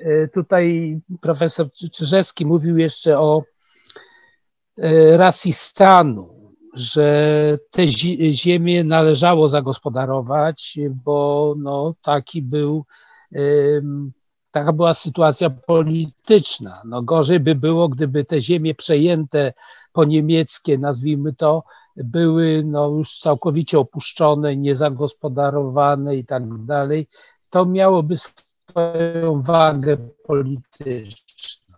I to, to... Zresztą jak y, w, w 90 pytałem wójtów gmin, gmin, gdzie przynajmniej 30% ziemi było we władaniu PGR-ów, y, to było głównie zresztą w Polsce, w Polsce północnej, na, na, na Mazurach i na y, w województwie białostockim. To większość z nich mówiła, że nie było ich zdaniem możliwości szybkiego zagospodarowania tych ziem e, zachodnich, gdyby nie tworzono PGR-ów na tych ziemiach. E, że to było posunięcie zrozumiałe e, i, i takie usprawiedliwione, jak gdyby. Także to, to, to nie było jakoś oceniane przez, przez gospodarzy tych ziem w sposób negatywny. Profesor Gorlach zapytał, czy PGR-y to kolektywne rolnictwo. Tu jest sporo takich uproszczeń. Jak ja powiedziałem na początku, że to rolnictwo socjalistyczne, rolnictwo uspołecznione, tak zwane, miało dwie zasadnicze formy. To znaczy było oparte na własności spółdzielczej i państwowej. E, ja kiedyś w latach 70., późnych chyba, e, napisałem taką no, książeczkę, mogę powiedzieć całą, porównując ewolucję rolnictwa socjalistycznego w, w krajach głównie Europy Środkowej i Wschodniej. I proszę Państwa, tam we wszystkich tych krajach następowało jak gdyby zlewanie się tych dwóch form własności, upodabnianie. E, to i, i, nawet oficjalnie zresztą mówiono, że jedno i drugie musi stać się po prostu własnością socjalistyczną, wspólną, kolektywną właśnie własnością. E, wiemy dobrze, że oczywiście taka modelowa, dobra spółdzielnia się różni bardzo istotnie od przedsiębiorstwa państwowego. E, to jest zrozumiałe. Natomiast e, w socjalizmie ta autonomia spółdzielni i przestrzeganie zasad spółdzielczości było, jak wiadomo, lekceważone, łamane. W niektórych przypadkach spółdzielnia się niczym nie różniła od przedsiębiorstwa państwowego. I stąd to uproszczone mm, określenie, że to jest e, rolnictwo kolektywne, po prostu jedno i drugie, albo rolnictwo typu socjalistycznego, możemy użyć takiej, takiej nazwy.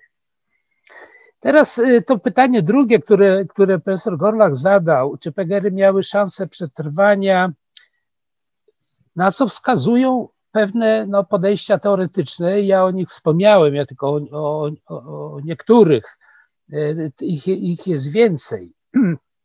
Ale proszę Państwa, między innymi dlaczego one nie miały wielu tych szans, czy znacznych szans. Po pierwsze, jak przejrzałem historię, czy ewolucji struktur pegerowskich, struktur zarządzania i struktur organizacyjnych, to tam mniej więcej co 3-4 lata zarządzania pegerami. Jak mo może funkcjonować przedsiębiorstwo, w tym zwłaszcza w rolnictwie, jeśli co 3-4 lata zmieniają się e, struktury, podporządkowanie, e, wydłużenie tych, tych zależności, że tak powiem, organizacyjnych i tak dalej. Po drugie, zmienność osób, które podejmowały decyzje. E, to, że te osoby się zmieniały bardzo często, tu y, przy okazji ja, ja widzę pewne podobne zjawiska obecnie w naszym kraju, gdzie jak obserwujemy, no jest wyraźna presja na rzecz y, poszerzenia własności państwowej i to dobrze nie wróży oczywiście, bo już wychodzą pewne wady, które istniały także w PGR-ach. Mianowicie zmienność kadr, płynność tych kadr, brak merytokratycznych kryteriów doboru, e, jednych i drugich przypadku było, e, zmienianie tych, tych struktur e, dość często, a więc okazuje się, że, że ta własność państwowa, podległość oczywiście władzy politycznej, czyli taka polityzacja swoista zarządzania ty, tymi jednostkami, to razem prowadziło do tego, że one miały szanse znikome, krótko mówiąc przetrwania i takiego rozwoju. E, tak, no już o tym mówiłem, e, że e, tu profesor Czyżewski zadał pytanie, czy to była utopia, na przykład te, te tworzenie tych PGR-ów na ziemiach zachodnich i tak dalej. Ja piszę o tym szerzej i wyjaśniam. To, to obiecuję, że to, to, to zrobię lepiej i pełniej. Ja o utopijności mówię y, w, w tych częściach, które opisują takie aksjologiczne podstawy funkcjonowania PGR-ów i pewną y, ideologię, która była taką siłą mm, parcia w kierunku poszerzenia te, tych kolektywnych, państwowych, spółdzielczych i tak dalej gospodarstw.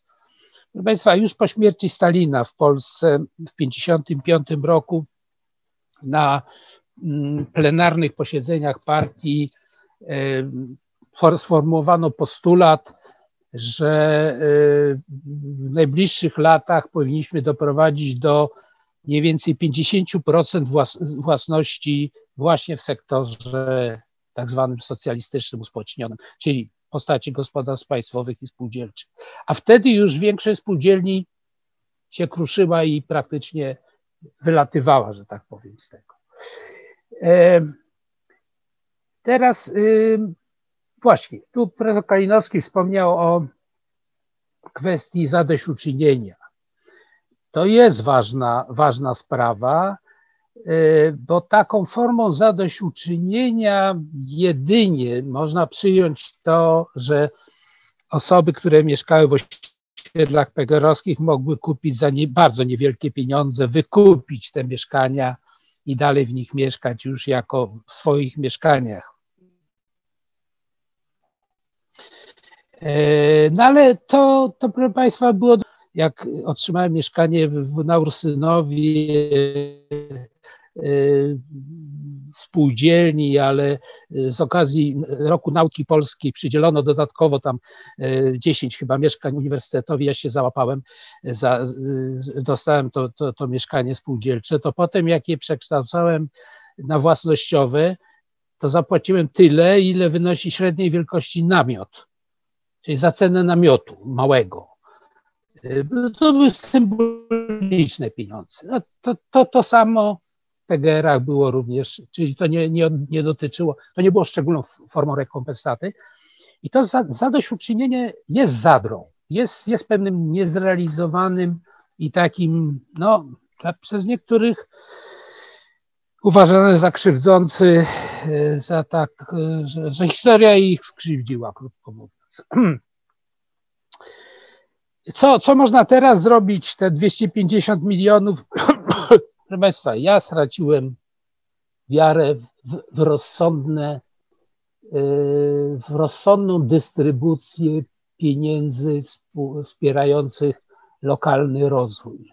Po doświadczeniach rządowego programu inwestycji lokalnych i nie tylko. E, także te 250 milionów moim zdaniem może być też wykorzystane jako taki, taka kolejna forma rozdawania tych pieniędzy na kartonach. No. Mm, także, że nie mam, nie mam, y, chociaż rozsądnie wydawane by się na pewno, przydały. O, to tyle. Dobrze, dziękuję Panie Profesorze. Mamy jeszcze sześć osób zgłoszonych y, i ja bym podzieliła to na dwie rundy. Do, osobom udzielimy do około trzech minut na wypowiedź, a później Panu Profesorowi, jak Pan Profesor dostanie jeszcze dziesięć i dwie takie tury zrobimy, to się powinniśmy zmieścić do godziny 13. Y, tak więc zaczynamy drugą rundę. Pan Profesor Aleksander y, Grzelak, Uniwersytet Ekonomiczny w Poznaniu. Dzień dobry, panie, pani przewodnicząca, panie profesorze. Z wielką przyjemnością wysłuchałem tego wykładu, dlatego że problematyką PGR-ów zajmowałem się na etapie pracy doktorskiej. E, chodziło o transformację państwowych gospodarstw rolnych w Wielkopolsce. Tak. E, także no, z takim Znam Pana pracę z tego okresu. Także z takim rozrzewnieniem. Ja bym chciał zwrócić uwagę na takie jeszcze trzy kwestie. Pierwsze bym nawiązał do tego, co mówili moi przedmówcy, że są różne twarze tego problemu. I te różne twarze dotyczą także kontekstu porównań międzynarodowych. E, ja osobiście uważam, że właściwie te, my i tak w Polsce mieliśmy najmniejszy z możliwych zakres tego właśnie sektora państwowego, jeśli porównujemy to z innymi krajami. U nas zakres tego sektora prywatnego był i tak, i tak bardzo duży. Natomiast właśnie kwestia zagospodarowania tych ziem, to i tak można powiedzieć na tle całego ogromnu zdarzeń, uwarunkowań politycznych, to był względnie niewielki udział. E, natomiast te różne twarze sprowadzają się do tego, że przykładowo chociażby w Wielkopolsce te procesy e, samej prywatyzacji, ale także funkcjonowania PGR-u w poprzednim systemie zdecydowanie przebiegały korzystniej niż w innych regionach Polski. Między innymi to wynikało z pewnego rodzaju współistnienia sektora tego prywatnego, rolnictwa indywidualnego i państwowego. W tych regionach, gdzie nie było tego współistnienia, nie było też czasami takich efektów synergii. Z moich rozmów, także z badań wynikało między innymi, że te efekty synergii sprowadzały się do tego, że na przykład w zakresie kreacji postępu gospodarstwa indywidualne w jakichś obszarach także zyskiwały, y, na przykład właśnie z racji, z racji, z racji chociażby współpracy. Y, ponadto później te same procesy prywatyzacji zachodziły zdecydowanie, zdecydowanie, także, zdecydowanie także y, korzystniej właśnie z racji tego współistnienia. Druga kwestia, stosunek do państwa, mianowicie stosunek państwa tych osób, które y, funkcjonowały w PGR-ach, y, był taki trochę odmienny niż pozostałej grupy społecznej. Faktycznie to była taka odrębna grupa społeczna, pewnego rodzaju wykształcona mentalność, gdzie o ile część obywateli w Polsce poza PGR-ami utożsamiało państwo z czymś takim represyjnym, z czymś niekorzystnym, złym, to tutaj te odniesienia, te podejście do państwa były zdecydowanie inne. E, w zakresie na przykład odniesień do majątku, do, do mieszkań, pomimo, że to były mieszkania państwowe, pomimo, że ten majątek był państwowy, to oni, ci ludzie niejednokrotnie to utożsamiali z naszym majątkiem, z naszymi mieszkaniami, czyli utożsamiali to w ten sposób, w ten sposób państwo. I trzecia kwestia, to tutaj można zauważyć dwa eksperymenty. Pierwszy eksperyment, o którym mówił pan profesor, i drugi, który y, wiadomo, że z racji ograniczeń czasowych i z racji tego, co pan profesor tutaj też ograniczył w zakresie y, tego, co się działo w PGR-ach, a nie później w związku z prywatyzacją. Drugi eksperyment polegał na tym, że mam wrażenie, że zastosowano tutaj koncepcję twórczej destrukcji Schumpetera w odniesieniu do tego sektora. E, I ta koncepcja no, spowodowała no, bardzo duże takie bardzo duże koszty społeczne, o którym te, też tutaj mówili moi przedmówcy. Trudno właściwie wyobrazić sobie taki drugi przykład sektora, gdzie rozwiązania byłyby tak radykalne. Nie wyobrażam sobie, gdyby coś takiego na przykład w odniesieniu do górnictwa zastosowano z racji chociaż reprezentacji pewnej także e, możliwości, e, możliwości działań lobbystycznych tego sektora e, i te elementy no, spowodowały właśnie później też na wiele, wiele lat swego rodzaju taką, tego rodzaju traumę. To był właśnie taki tragizm sytuacji, że z jednej strony ten eksperyment sprowadzający się do tego, że te osoby tam funkcjonowały w swoistej takiej otoczce i później kolejny eksperyment, gdzie wszystko zanegowano i później czasami taki negatywny też obraz, który dominuje w przekazie, chociażby ten film dokumentalny Arizona odnośnie tego, jak funkcjonują te społeczeństwa, no jest też tego takim zdecydowanym y, przykładem. Tu jest, proszę Państwa, i na zakończenie właśnie ten drugi eksperyment, to, to jest taki właśnie typowy też przejaw takiego, takiego podejścia, można powiedzieć, nieuwzględniającego realiów. Realiów, które miały miejsce, y, ten sektor został pewnym, znaczy zakwestionowany jako relikt poprzedniego systemu z całą mocą, także ten kontekst polityczny tutaj był bardzo silnie zaakcentowany i uważam, że można było to zrobić w sposób trochę bardziej ewolucyjny. Także dziękuję i jeszcze raz gratuluję bardzo ciekawego wykładu. E, teraz poproszę dwie panie profesor o zabranie głosu, panią profesor Renatę Mark-Zbielską, Uniwersytet Warmińsko-Mazurski i później panią profesor Marię Halamską, IRWIR. E, Renato, oddaję ci głos. E, dzień dobry, dziękuję bardzo. Szanowni Państwo, ze względu na obowiązki e, dydaktyczne, niestety za chwilę będę musiała opuścić tę niezwykle ciekawą dyskusję. W związku z tym tylko e, króciutka refleksja.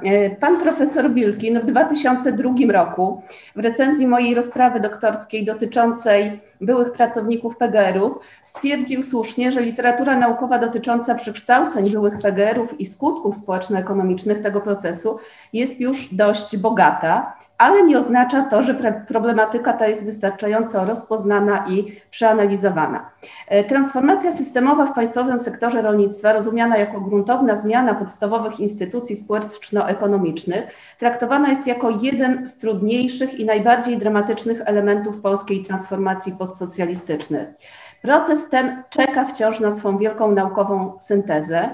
Minęło od tego czasu już prawie 20 lat i bardzo ucieszył mnie fakt, że to właśnie pan profesor tego dzieła się podjął i czekam z niecierpliwością na efekty w postaci monografii. Dziękuję bardzo Państwu. Dziękuję. Dziękuję bardzo. Poproszę panią profesor Marię Halamską. Tylko proszę włączyć mikrofon pani profesor. Tak, dziękuję, dziękuję bardzo.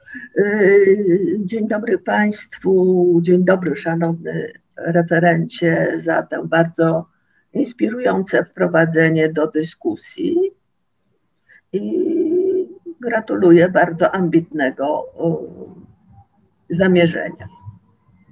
Natomiast mam pewne uwagi, niektóre z tych uwag już zgłosili moi przedmówcy tutaj. Oczywiście kolega Krzysztof profesor Krzysztof Gorlach ukradł mi dwa, prawda? Mhm. Oczywiście problemy, no ale to widać socjologowie myślą e, podobnie. E, natomiast ja chciałam zwrócić mm, uwagę na to, że w tych modelowych rozważaniach warto zwrócić uwagę na czas i przestrzeń. Wiele uwag, już kilka y, Y, wiązało się z tym y, problemem. Y, to nie to jest to, że te tak zwane rolnictwo socjalistyczne w Polsce były to tylko PGR-y, PGR-y, które funkcjonowały w specyficzny sposób. Nie była to żadna modelowa logika funkcjonowania przedsiębiorstwa tylko była to logika dualna. Cała sfera socjalna była włączona w to przedsiębiorstwo.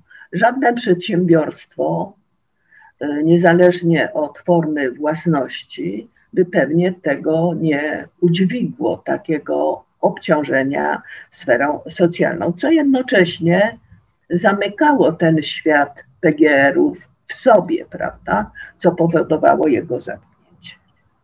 Oczywiście e, tutaj na tą, tu trzeba zwrócić uwagę na brak kolektywizacji rolnictwa, czyli brak powstania rolniczych spółdzielni produkcyjnych, co według mnie miało mm, wpływ potem na przebieg prywatyzacji PGR-ów.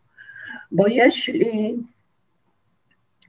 w Czechach, na Słowacji, na Węgrzech, e, w Rumunii, czy w ogóle w, w, Europie Środkowo, e, Środkowo-Wschodniej, trzeba było jakoś się ustosunkować do tego problemu, to w Polsce nie było, nie było presji, nie było siły, która by wywarła presję na publiczną dyskusję o sposobach o sposobach rozwiązywania.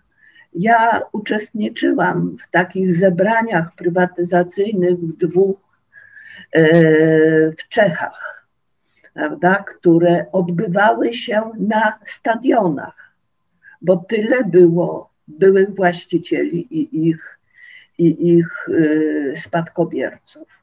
To potem oni zrezygnowali, natomiast była presja, żeby sprawy dyskutować, żeby sprawy uwzględniać. Natomiast u nas tego wpływu nie mogło być, ponieważ ten świat PGR-ów był niejako podwójnie obcy. był podwójnie obcy, bo z jednej strony był gdzieś tam, na właśnie ziemiach odzyskanych, ziemiach zachodnich, cholera wie, co się tam działo, prawda? A y, ja mówię o głosie opinii publicznej. I druga rzecz, że ten świat PGR-ów był obcy, bo był otoczony przez rolnictwo chłopskie. Gdyby te PGR-y, ziemia PGR-owska stanowiła nie 20 niecałe procent, tylko 80%, ten problem musiałby być na pewno inaczej rozwiązany. Ta obecność rolnictwa chłopskiego dawała luksus mm, nie zajmowania się przy dużych, mm, dużym wpływie grup nacisku zainteresowanych właśnie taką, a nie inną prywatyzacją e, PGR. E, chciałam jeszcze zwrócić uwagę na o co, mm, o czym jest kilka pytań badawczych postawionych, o to, w jaki sposób obecność świata PGR-ów, na temat którego narracja się zmienia, i zmieniająca się narracja stanowi presję na podejmowane analizy. To trzeba mieć tego, tego świadomość.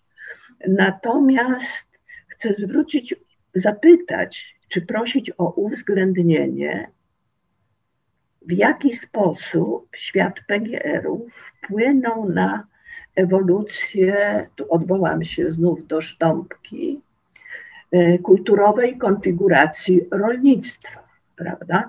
Czyli zespołu instytucji, urządzeń, przekonań, wartości i w ogóle, które wiązały się z rolnictwem, prawda? Kiedy z jednej strony wprowadzono konkurencyjne obrazy do świadomości społecznej.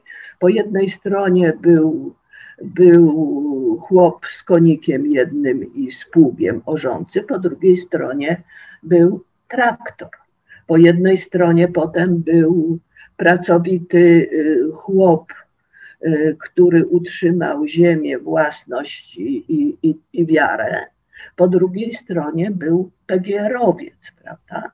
To rozbijało spójność tej konfiguracji rolnictwa i ten kulturowy wpływ, y, myślę, i analiza tego kulturowego wpływu byłaby bardzo, bardzo interesująca, y, bardzo ważna. A na koniec mm, o tych modelach ja bym ten trzeci przerwany, że ten model pesymistyczny i optymistyczny, wszystko zależy od przyjętych założeń, prawda? A przyjęte założenia są swoistego rodzaju wyznaniem wiary, prawda? Czy mógłby być ten eksperyment kontynuowany? I wtedy jakie byłyby skutki, gdyby przekształcenia państwowych gospodarstw rolnych doprowadziły na przykład do takiego zatrudnienia, jakie ono jest dzisiaj w prywatnych firmach. E, także moje, moje tu odczucie jest raczej pesymistyczne. Dziękuję bardzo. Dziękuję Pani Profesor. Panie Profesorze, oddaję głos, bo mamy jeszcze trzecią e, rundę. Dobrze, dziękuję bardzo za, za kolejną serię pytań. Proszę Państwa, no właśnie to, co profesor Grzelak mówił o, o tym, jak jednak łagodnie i tak w sposób rozsądny e, przyjęto, nazwijmy to, PGR-y w Wielkopolsce i że możliwa była pewnego rodzaju symbioza, czy wręcz synergia e, gospodarstw państwowych i prywatnych. E, to prawda. Przy okazji ten wątek związany z y, koniecznością uwzględnienia przestrzennego rozmieszczenia, y, czyli uwzględnienie i czasu i przestrzeni, jak to mówiła profesor Halamska, jest absolutnie konieczny. To nie jest jednolity taki obraz. Także chyba te modele, które wyjaśniające mogą być różne w, w zależności od tego, do jakiej części Polski się one odnoszą Ja to wezmę pod uwagę i, i, i jak gdyby w szerszym zakresie to wykorzystam. Czy to była twórcza destrukcja? No, niektórzy tak uważają że to była e, twórcza destrukcja, tak jak to występuje także w gospodarkach. Jak wiadomo, Schumpeter w końcu mówił e, o tej twórczej destrukcji jako, jako pewnego rodzaju procesu, który w ogóle zachodzi w gospodarkach różnego typu, w tym gospodarkach rynkowych, e, konkurencyjnych i tak dalej. Niektórzy no, mówią tak, dzięki tej twórczej destrukcji utworzył się sektor wielkoobszarowych gospodarstw prywatnych, które e, funkcjonują całkiem nieźle. Profesor Zund policzył, że tak zwane gospodarstwa osób e, prawnych mają znacznie większą i to 70 chyba procent wartość dodaną w przeliczeniu na hektar. No i że całkiem dobrze sobie radzą. Tutaj od razu dodam, że mm, bo było pytanie, no, profesor Halamska zadała pytanie, jak ten, ten świat Pegerów wpłynął na obraz Polski, kulturę, struktury i tak dalej. Ten upadek Pegerów y, umożliwił czy spowodował kontynuację wielowiekowej struktury polskiego, takiej dualnej struktury. Czyli tak, spolaryzowanej struktury. Mianowicie, że, że mieliśmy za czasów y, od feudalnych poczynając do, do czasów y, reformy rolnej, a potem po reformie II Rzeczpospolitej w PRL-u, no właśnie taką spolaryzowaną. Z jednej strony dużo małych gospodarstw chłopskich, z drugiej strony albo gospodarstwa folwarczne, wielkotowarowe, albo gospodarstwa y, uspołecznione, też wielkotowarowe, a z drugiej strony wiele tych gospodarstw prywatnych. Po 1989 roku utrzymujemy nadal bardzo dużo gospodarstw prywatnych, bardzo drobnych i na ziemi PGR-owskiej możliwe było utworzenie wielu prywatnych gospodarstw wielkotowarowych. To, to jest to, to, co to dziedzictwo, że tak powiem, także w tym, w tym yy, się przejawia. Także warto o tym pamiętać. Y, proszę Państwa, y, jedna rzecz, o której jeszcze chciałbym króciutko. Y, profesor Halamska wspomniała, że zabrakło takiej presji na dotyczącej presji społecznej związanej i, i dialogu społecznego związanego z procesami prywatyzacji PGR-ów. E, ja nie wspomniałem o tym, ale, ale, ale piszę gdzie indziej, że mm, społeczności pegerowskie e, nie miały tego, co się czasami nazywa rzecznictwem, takim instytucjonalizowanym rzecznictwem interesu. To znaczy, że, że reprezentacja, no górnicy mają ileś tych nie wiem, ze 30 związków zawodowych, które bardzo mocno i skutecznie, jak wiemy, dbają o interesy tej grupy. Pracownicy PGR-ów takiej reprezentacji nie mieli. Nie było też tej takiej otoczki, powiedziałbym, analityczno jakiejś, chociaż wiele osób się zajmowało PGR-ami. I to, to się odbiło na, na, na tej, tej, tej prywatyzacji, na skutkach społecznych z tym związanych. Także proszę Państwa, ten, y, ten wpływ jest y, bardzo zróżnicowany. On jest od y, takiego upowszechnionego obrazu, skrzywionego bardzo zresztą, jakim był ten słynny film Arizona, do pokazywania, że jednak te gospodarstwa służyły mimo wszystko y, y, ludziom, dawały pracę, dawały bezpieczeństwo socjalne, pozwalały zagospodarować ziemię na tych zachodnich i północnych częściach y, i że miały swój wpływ na, na to, że ten proces przemieszkiwania w, w najweselszym baraku socjalizmu, czyli w Polsce, przebiegał łagodniej niż indziej. To, to tyle. Może nie na wszystkie wątki jestem w stanie w tej chwili zareagować ze względów czasowych. Y, tak, y, to jeszcze jedną rundę. W tej rundzie poproszę o głos pana profesora Piotra Windera, Instytut Filozofii i Socjologii w pierwszym podejściu, y, później pana, prof, pana Piotra Szczepańskiego z Fundacji Wspomagania Wsi, pana prezesa i pana doktora Józefa Pyrgiesa. Jak nam zostanie czas, to jeszcze pan Piotr Łysoń poprosił o mm, dodatkowy głos. Panie profesorze, zapraszam, pan Piotr Binder. Bardzo dziękuję cieszę się, że mam okazję zadać te pytania i licząc się z tym, że czasu pewnie pozostało niewiele i te odpowiedzi mogą być skrótowe, to jednak nie mogłem się oprzeć e, temu, żeby zapytać pana profesora, jak pan profesor ocenia dorobek refleksji na temat PGR-u, ten zgromadzony w polskich naukach społecznych po 1989 roku, bo jednak e, było przynajmniej kilka fal zainteresowania. Pan profesor też e, przychodzi ze swoimi e, motywacjami, powraca do tego e, tematu. Mm, a to, co już wiemy, to, co zbadano, mm, stanowi z pewnością ważny punkt odniesienia i nawet jeżeli to będzie skrótowa ocena, to jestem ciekaw tego stosunku pana profesora do tego, co już wiemy i co już udało nam się zbadać. Druga kwestia, to mm, też niezwykle mnie nurtuje to, e, czy, jak pan profesor sądzi, czy trafna jest ta hipoteza, iż e, PGR-y, system PGR-ów gospodarstw, państwowych gospodarstw, e, gospodarstw rolnych rzeczywiście ukształtował nowego człowieka? To jest tutaj w tej prezentacji, której wysłuchaliśmy, ona się pojawiła pod etykietą tego homo PGR-usa, który może być odbierany jako mm, takie określenie, etykieta stygmatyzująca bardzo, no ale wiemy o co chodzi. Chodzi o tego człowieka, który, e, którego ukształtował e, szczególny system i szczególne uwarunkowania.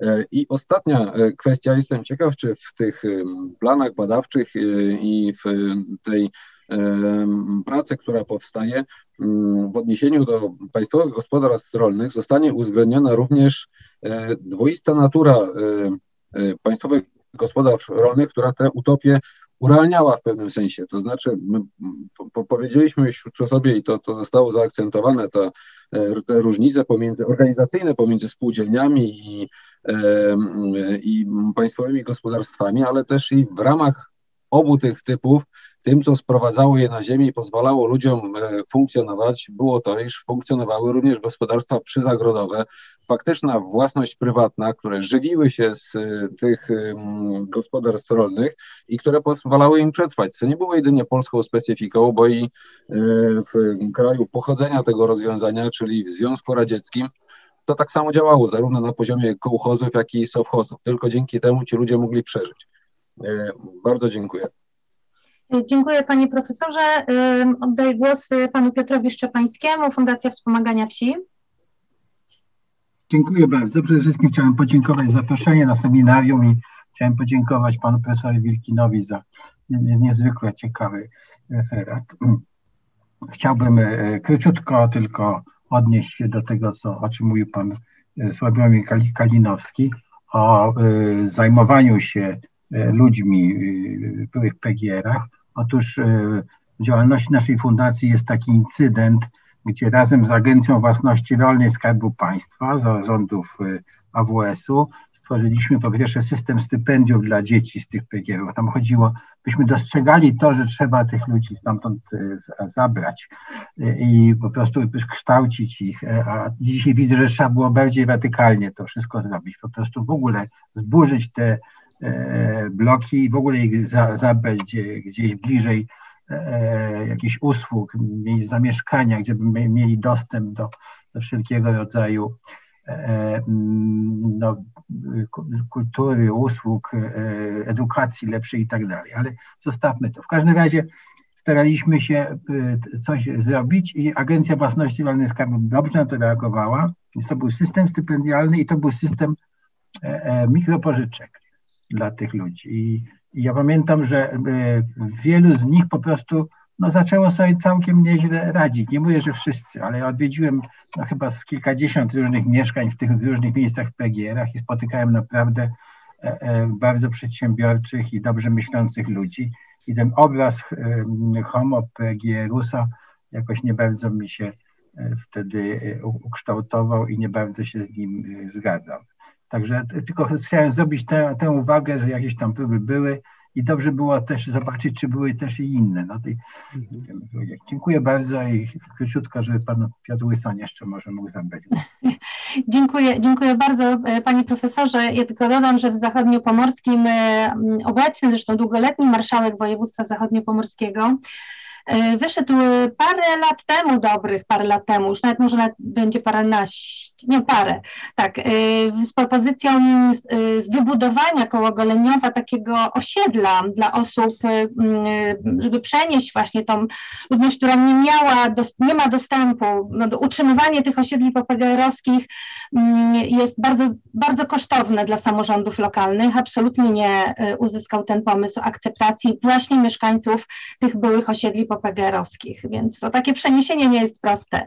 Oddaję głos panu y, y, doktorowi Pyrgiesowi. Y, panie Józefie. E, dzień dobry, dziękuję bardzo. Dziękuję. E, panie profesorze, początkowo muszę przyznać, że dosyć sceptycznie podszedłem do tematu badawczego dotyczącego historii PGR, zwłaszcza przed rokiem 1989. Ale szybko zmieniłem zdanie, kiedy zadałem sobie pytanie, czy możliwy jest powrót do reaktywacji PGR? Otóż moja odpowiedź jest twierdząca. W jaki sposób się to może odbyć? Poprzez renacjonalizację gospodarstw dzierżawców. Oczywiście nie wszystkich, ale części. Oczywiście funkcjonowałyby one wtedy w innej formie niż typowe PGR-y, bo ziemia nie byłaby w zarządzie, ale w dzierżawie. Ale podobieństwa byłyby istotne. Czyli byłaby to własność państwowa. Czyli jest to możliwe. Pytanie, czy jest to zasadne? I wcale odpowiedź nie jest taka prosta. Dlaczego? Dlatego, że w ostatnich latach popełniono sporo błędów, które spowodowały, że władza musi sobie w części przypadków odpowiedzieć na następujące pytanie. Czy zlikwidować dobrze funkcjonujące przedsiębiorstwo, czy je znacjonalizować? I podejrzewam, że w wielu przypadkach dokona tego drugiego wyboru, znajdując odpowiednie uzasadnienie. Ale z drugiej strony jest pytanie takie, czy znamy funkcjonujące dzisiaj gospodarstwa państwowe i jak one sobie radzą. Owszem, są takie. Mamy tutaj spółki hodowli roślin i zwierząt, które zostały zachowane w formie własności państwowej. Pytanie, co się dzieje, jeżeli taka spółka znajduje się w trudnej sytuacji ekonomicznej? Okazuje się, że dzieje się to samo, co kiedyś działo się w PGR-ach albo dzisiaj w innych branżach państwowych, jak na przykład górnictwo.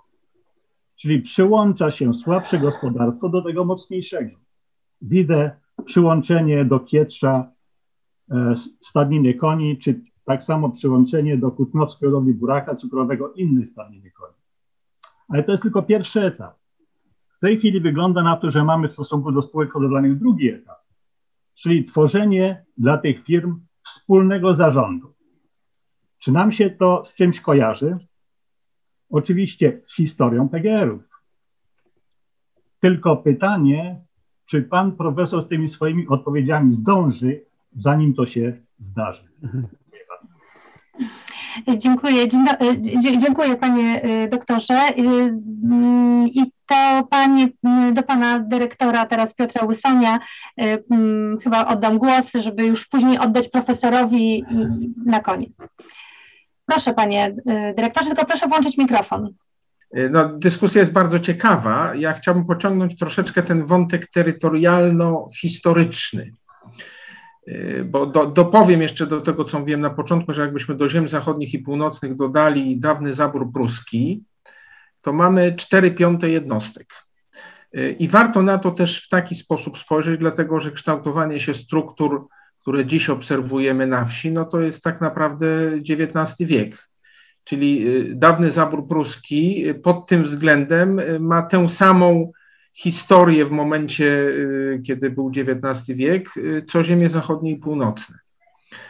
Oczywiście potem ta historia się potoczyła zupełnie inaczej i tutaj warto pewne rzeczy jakby doprecyzować i sprostować, bo mamy z jednej strony tę jedną piątą ziem po prostu odzyskanych po zaborach, Mamy bardzo specyficzny Śląsk, który mimo oderwania od Polski bardzo długo w związkach różnego rodzaju z Polską był aż do XIX wieku. Mamy wreszcie zupełnie inną, i tu jest największy problem, Polskę północno-zachodnią, czyli ziemię lubuską i Pomorze Zachodnie, gdzie to oderwanie od Polski było najdłuższe i najgłębsze. No i mamy wreszcie dawne Prusy Książęce, które też mają swoją specyfikę. I mamy też specyfikę osadnictwa, wynikającą z tego, że y, no, ta, ta, najpierw ucieczka ludności niemieckiej się zaczęła przed frontem sowieckim. Y, częściowo władze niemieckie tutaj wysiedlały same, jak na przykład we Wrocławiu całe miasto. Y, potem oczywiście były wysiedlenia, ale też pojawianie się ludności po, po wojnie to też był bardzo różnie, dlatego że jak, y, jak y, się zerknie na dokładne mapy powiat po powiecie, struktury ludności w roku 50, to widać na przykład y, zróżnicowanie odsetka ludności kresowej. Ona tam była dla zafałszowania nazywana, że to repatrianci z ZSRR, ale wiadomo, że, że, że chodzi o kresowiaków. I szczególnie na historycznym Śląsku ten odsetek ludności kresowej był bardzo duży, czasami było to ponad 50%. I te wszystkie uwarunkowania mają w moim głębokim przekonaniu bardzo istotne znaczenie dla procesu zakorzenienia, jak również dla różnych innych współczesnych y, procesów. Y, druga rzecz, którą chciałem powiedzieć, to to, że y, chyba bym się nie zgodził z paroma głosami, które padły tutaj na sali. Przede wszystkim z głosem takim, że proces zszywania ziem zachodnich i północnych z połówką II Rzeczpospolitej, która nam się została po wojnie, jest zakończony, bo moim zdaniem nie jest zakończony. Tak samo jak nie jest zakończony, choć tu jest skala problemu mniejsza, problem zszywania ziem trzech zaborów yy, jeszcze z XIX wieku. Mówię XIX wieku, czyli w kształcie po kongresie wiedeńskim. I, yy, I to są procesy, które, yy, których nie należy zostawić samych sobie, tylko które powinny być przez państwo polskie mądrze wspierane. I teraz następna rzecz. Y, jeżeli chodzi o tę rolę przywołaną, tu rolę PGR-ów y, w okresie zagospodarowania ziem zachodnich, to ja bym, ja bym się trochę z tym nie zgodził. To znaczy posłużyłbym się porównaniem polityki osiedleńczej, osadniczej II Rzeczpospolitej, czyli polskiego suwerennego państwa odzyskanego w 1918 roku, z polityką niesuwerennego państwa, jakim była Polska Ludowa od 1952 PRL, i różnych y, z tym związanych uwarunkowań i y, porównałbym te dwa procesy. Z jednej strony mamy osadnictwo rodzin Korpusu Ochrony Pogranicza, z drugiej strony mamy państwowe jednostki organizacyjne, które miały być taką zideologizowaną formą zagospodarowania tych ziem. Być może jako przejściowy instrument miały rację bytu, natomiast wytworzyły ewidentnie deficyt własności na ziemiach zachodnich, który do tej pory nie został przełamany.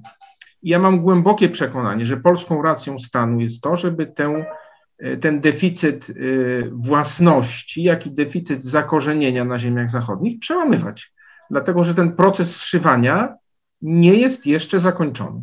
I pomimo traktatów e, dwóch, a przede wszystkim tego z 90 roku granicznego, mamy różne procesy wewnątrz Unii Europejskiej pomiędzy krajami członkowskimi i w interesie państwa polskiego to jest nasza racja stanu.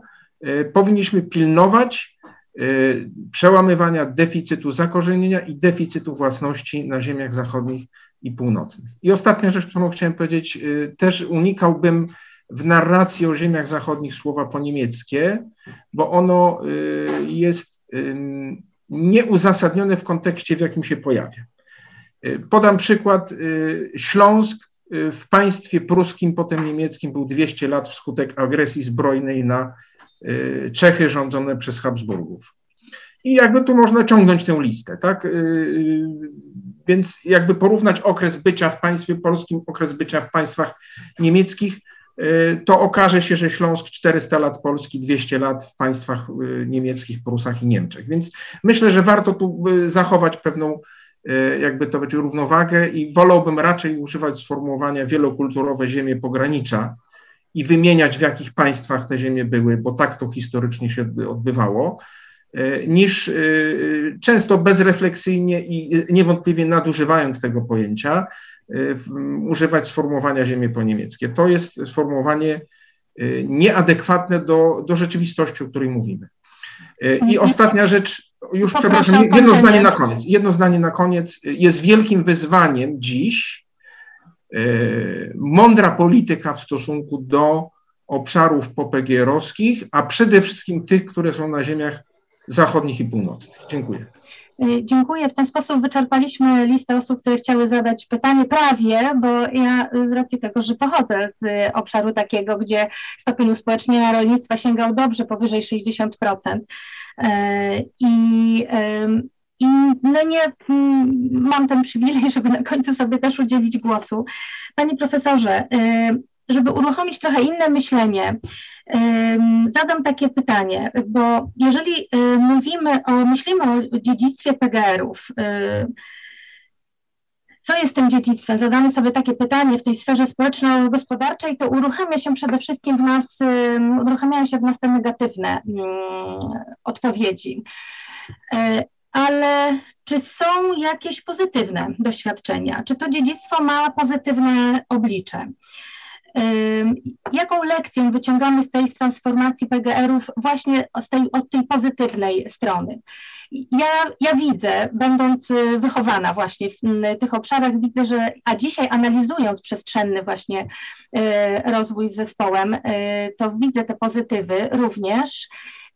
Nawet jeżeli pan profesor nie udzieli odpowiedzi teraz, bo czasu już mamy bardzo mało, to na pewno tą dyskusję skończymy na naszych, y, na naszych korytarzach irwirowskich.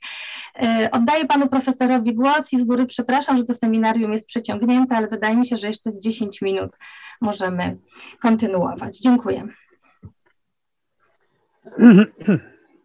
Dziękuję bardzo. Proszę Państwa, to seminarium jest dla mnie takim znakomitym przykładem tego, że pracując nad czymś, e, warto korzystać e, z możliwości właśnie przeprowadzenia dyskusji nad przynajmniej częścią e, spraw, którymi w danym projekcie mm, się zajmuję, bo Państwa uwagi są dla mnie często po pierwsze drogą zobaczyć coś, albo warto przeanalizować, e, albo czegoś unikać, e, jakichś uproszczeń i tak dalej. Także dziękuję za te wszystkie e, głosy i, i Państwa uwagi i wiedzę. Tak, proszę Państwa, czasu jest niewiele, w związku z tym szybciutko, chociaż problemy są ciekawe i godne szerszej dyskusji. Pan profesor Piotr Binder zadał pytanie, o moją ocenę dorobku refleksji i prac analitycznych związanych z PGR-ami. Hmm. Y, ja uważam ten dorobek za bardzo bogaty i bardzo interesujący. I to dziwo w ciągu ostatnich kilkunastu lat no, został wydatnie wzbogacony.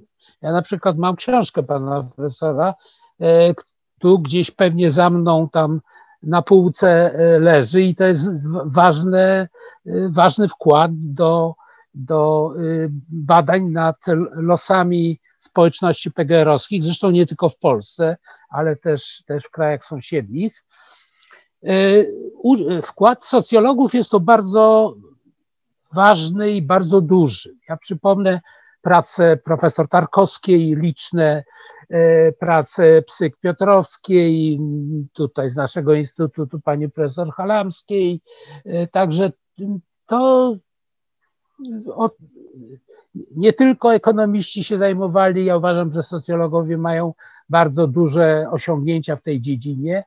E, I chyba tak jak porównuję e, dorobek taki międzynarodowy, to, to jest bardzo ciekawy dorobek i bardzo oryginalny na tle e, tego, co się pisało w innych krajach. Proszę Państwa, no tutaj profesor Binder jeszcze zwrócił uwagę na to, że e, po, znaczy po pierwsze zadał pytanie, czy PGR ukształtowały nowego człowieka. Mm, to nie jest takie proste i oczywiste i tak dalej. Ja nie przytaczałem tutaj, mm, co robią psychologowie społeczni e, w swoich pracach e, na przykład tego zjawiska tak zwanej bezradności społecznej i wyuczonej bezradności. Niektórzy uważają, że to jest krzywdząca, e, krzywdzące określenia, takie stygmatyzujące, e, ale one się pojawiają. Ja mam taki ambiwalentny stosunek do tego, i, ale chcę się jeszcze przyjrzeć paru. Jestem po, po, po, po lekturze paru prac na ten temat i, i może jakieś stanowisko ostatecznie sobie w, w tej kwestii wyrobię.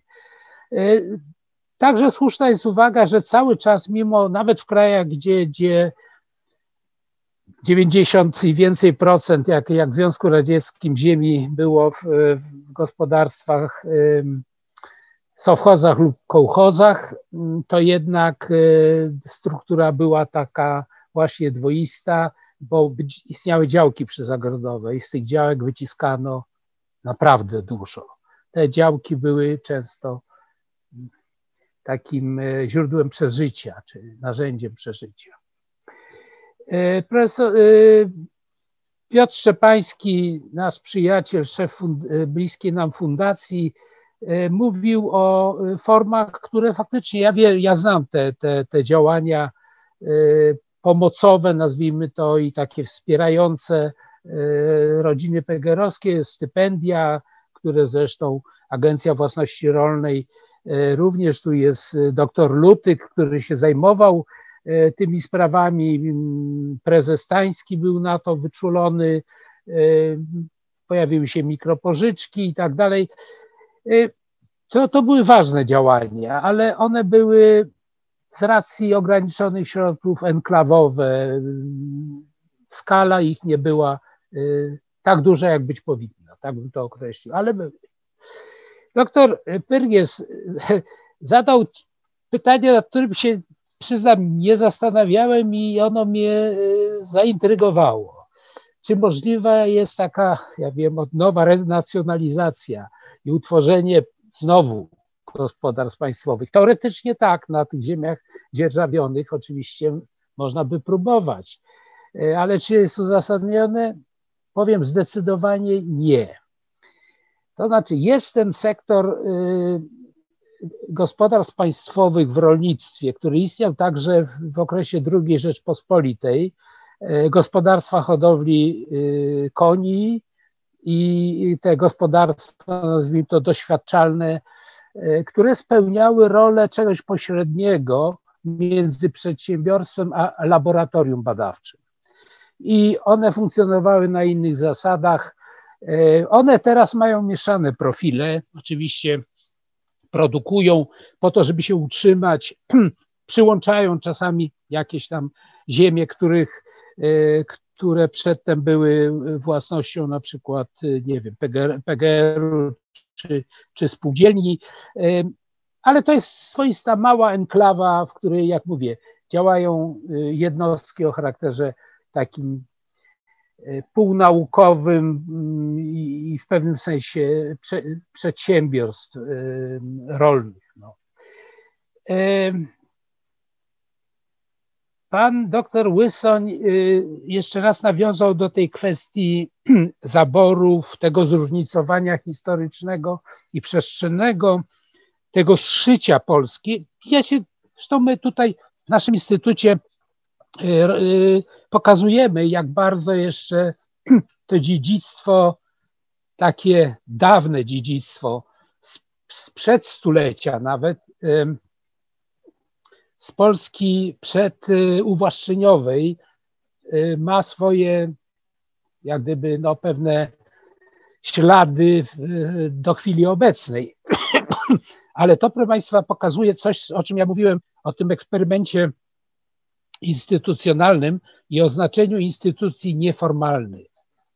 Właśnie o tych, które się składają na, na, tę, na to dziedzictwo, to znaczy pewne tradycje, pewne wartości, które są podzielane, y, pewne względy tam, uwarunkowania kulturowe i tak dalej, i tak dalej. One są niezwykle trwałe.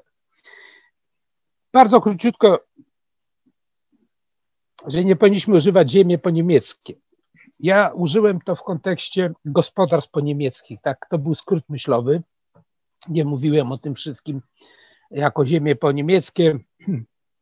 Ja mam świadomość, że, że, że y, y, te losy, granice się zmieniały wielokrotnie. Zresztą historycy o tym piszą, że wszystkie kraje w Europie prawie miały przesuwane granice.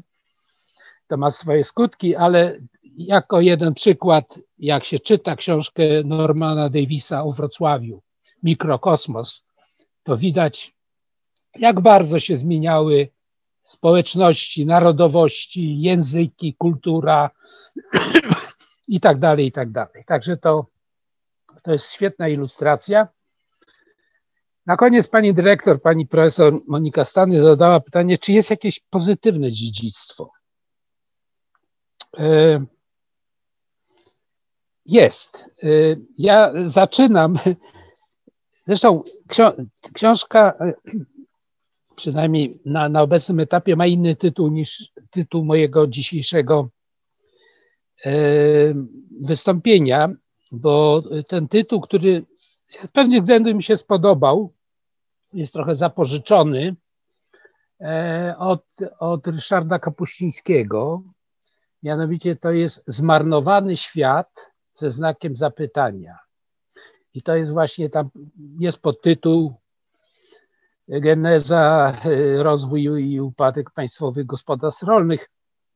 E, mm, I w, w, tym opowiadaniu, to jest reportaż w, w zasadzie, właśnie z, z takiego PGR-u w latach 60., gdzie grupa takich wyrzutków trochę społecznych, oni się sami zresztą tak określili, miała szansę wylądować w małym PGR-ze, bardzo małym, bo on miał 60 parę hektarów zaledwie, ale i oni tam odżyli. Tam zrealizowali swoje jakieś zamierzenia y, i powiedzieli, że to im dało szansę życiową.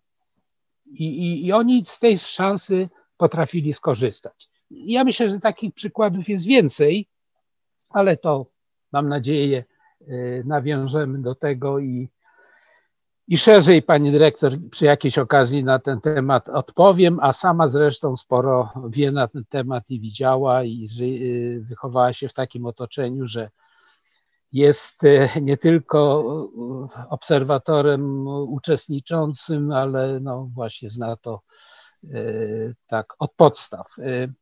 Także chciałem serdecznie Państwu podziękować, Pani dyrektor, za prowadzenie tego seminarium. Wszystkim no w pewnym momencie zauważyłem, że było ponad 50 osób na tej wirtualnej sali e, i wszystkim Państwu serdecznie dziękuję za obecność, a także za zadane pytania, komentarze.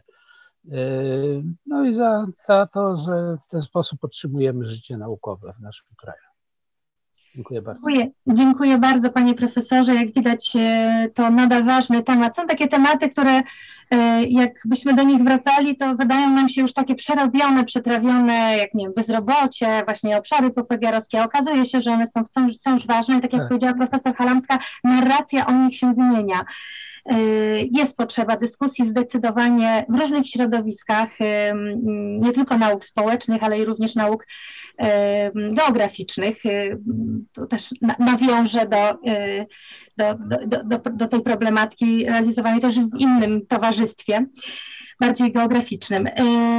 Proszę Państwa, bardzo serdecznie dziękujemy. Chciałam Państwu, oczywiście no przede wszystkim Panu Profesorowi, ale i też y, spektrum y, ośrodków naukowych, które dzisiaj było, jest naprawdę bardzo takie pozytywne i, cieszymy się, że gościcie Państwo na naszych, na naszych spotkaniach, tym bardziej, że wiem, że konkurencja jest bardzo duża, bo, bo, bo ta możliwość zdalnej, zdalnego kontaktu powoduje, że jest w czym wybierać i przebierać. Jeszcze raz dziękujemy Fundacji Wspomagania Wsi która przez Witrynę Wiejską nam nagrywa te spotkania i chcielibyśmy Państwa zaprosić za miesiąc, 10 maja, na kolejne seminarium, na którym to tam doktor, ale z racji tej, że ja nie znam pana doktora, ale to wiem, może ja już dopowiem. Właśnie z Instytutu Środowiska Rolniczego i Leśnego Polskiej Akademii Nauk będzie prezentował, że jest osobą zaproszoną przez dyrektora Adama Czarneckiego. Adamie, oddaję Ci głos, a Państwu serdecznie dziękuję. Dzień dobry Adamie. Państwu. Dzień dobry Państwu, więc kolejne seminarium, tak jak zostało to powiedziane, odbędzie się 10 maja. Referat wygłosi pan dr Adam Choryński z Instytutu Środowiska Rolniczego i Leśnego Polskiej Akademii Nauk w Poznaniu. Nie jest to dokładny tytuł, ale tematem wystąpienia będzie adaptacja i strategie radzenia sobie społeczności wiejskich z ekstremalnymi zjawiskami pogodowymi. Do końca tego tygodnia e, powinno być już gotowe zaproszenie na to seminarium razem z abstraktem wystąpienia. Dziękuję. Dziękuję, dziękuję Adamie. Dziękuję Państwu. Do zobaczenia.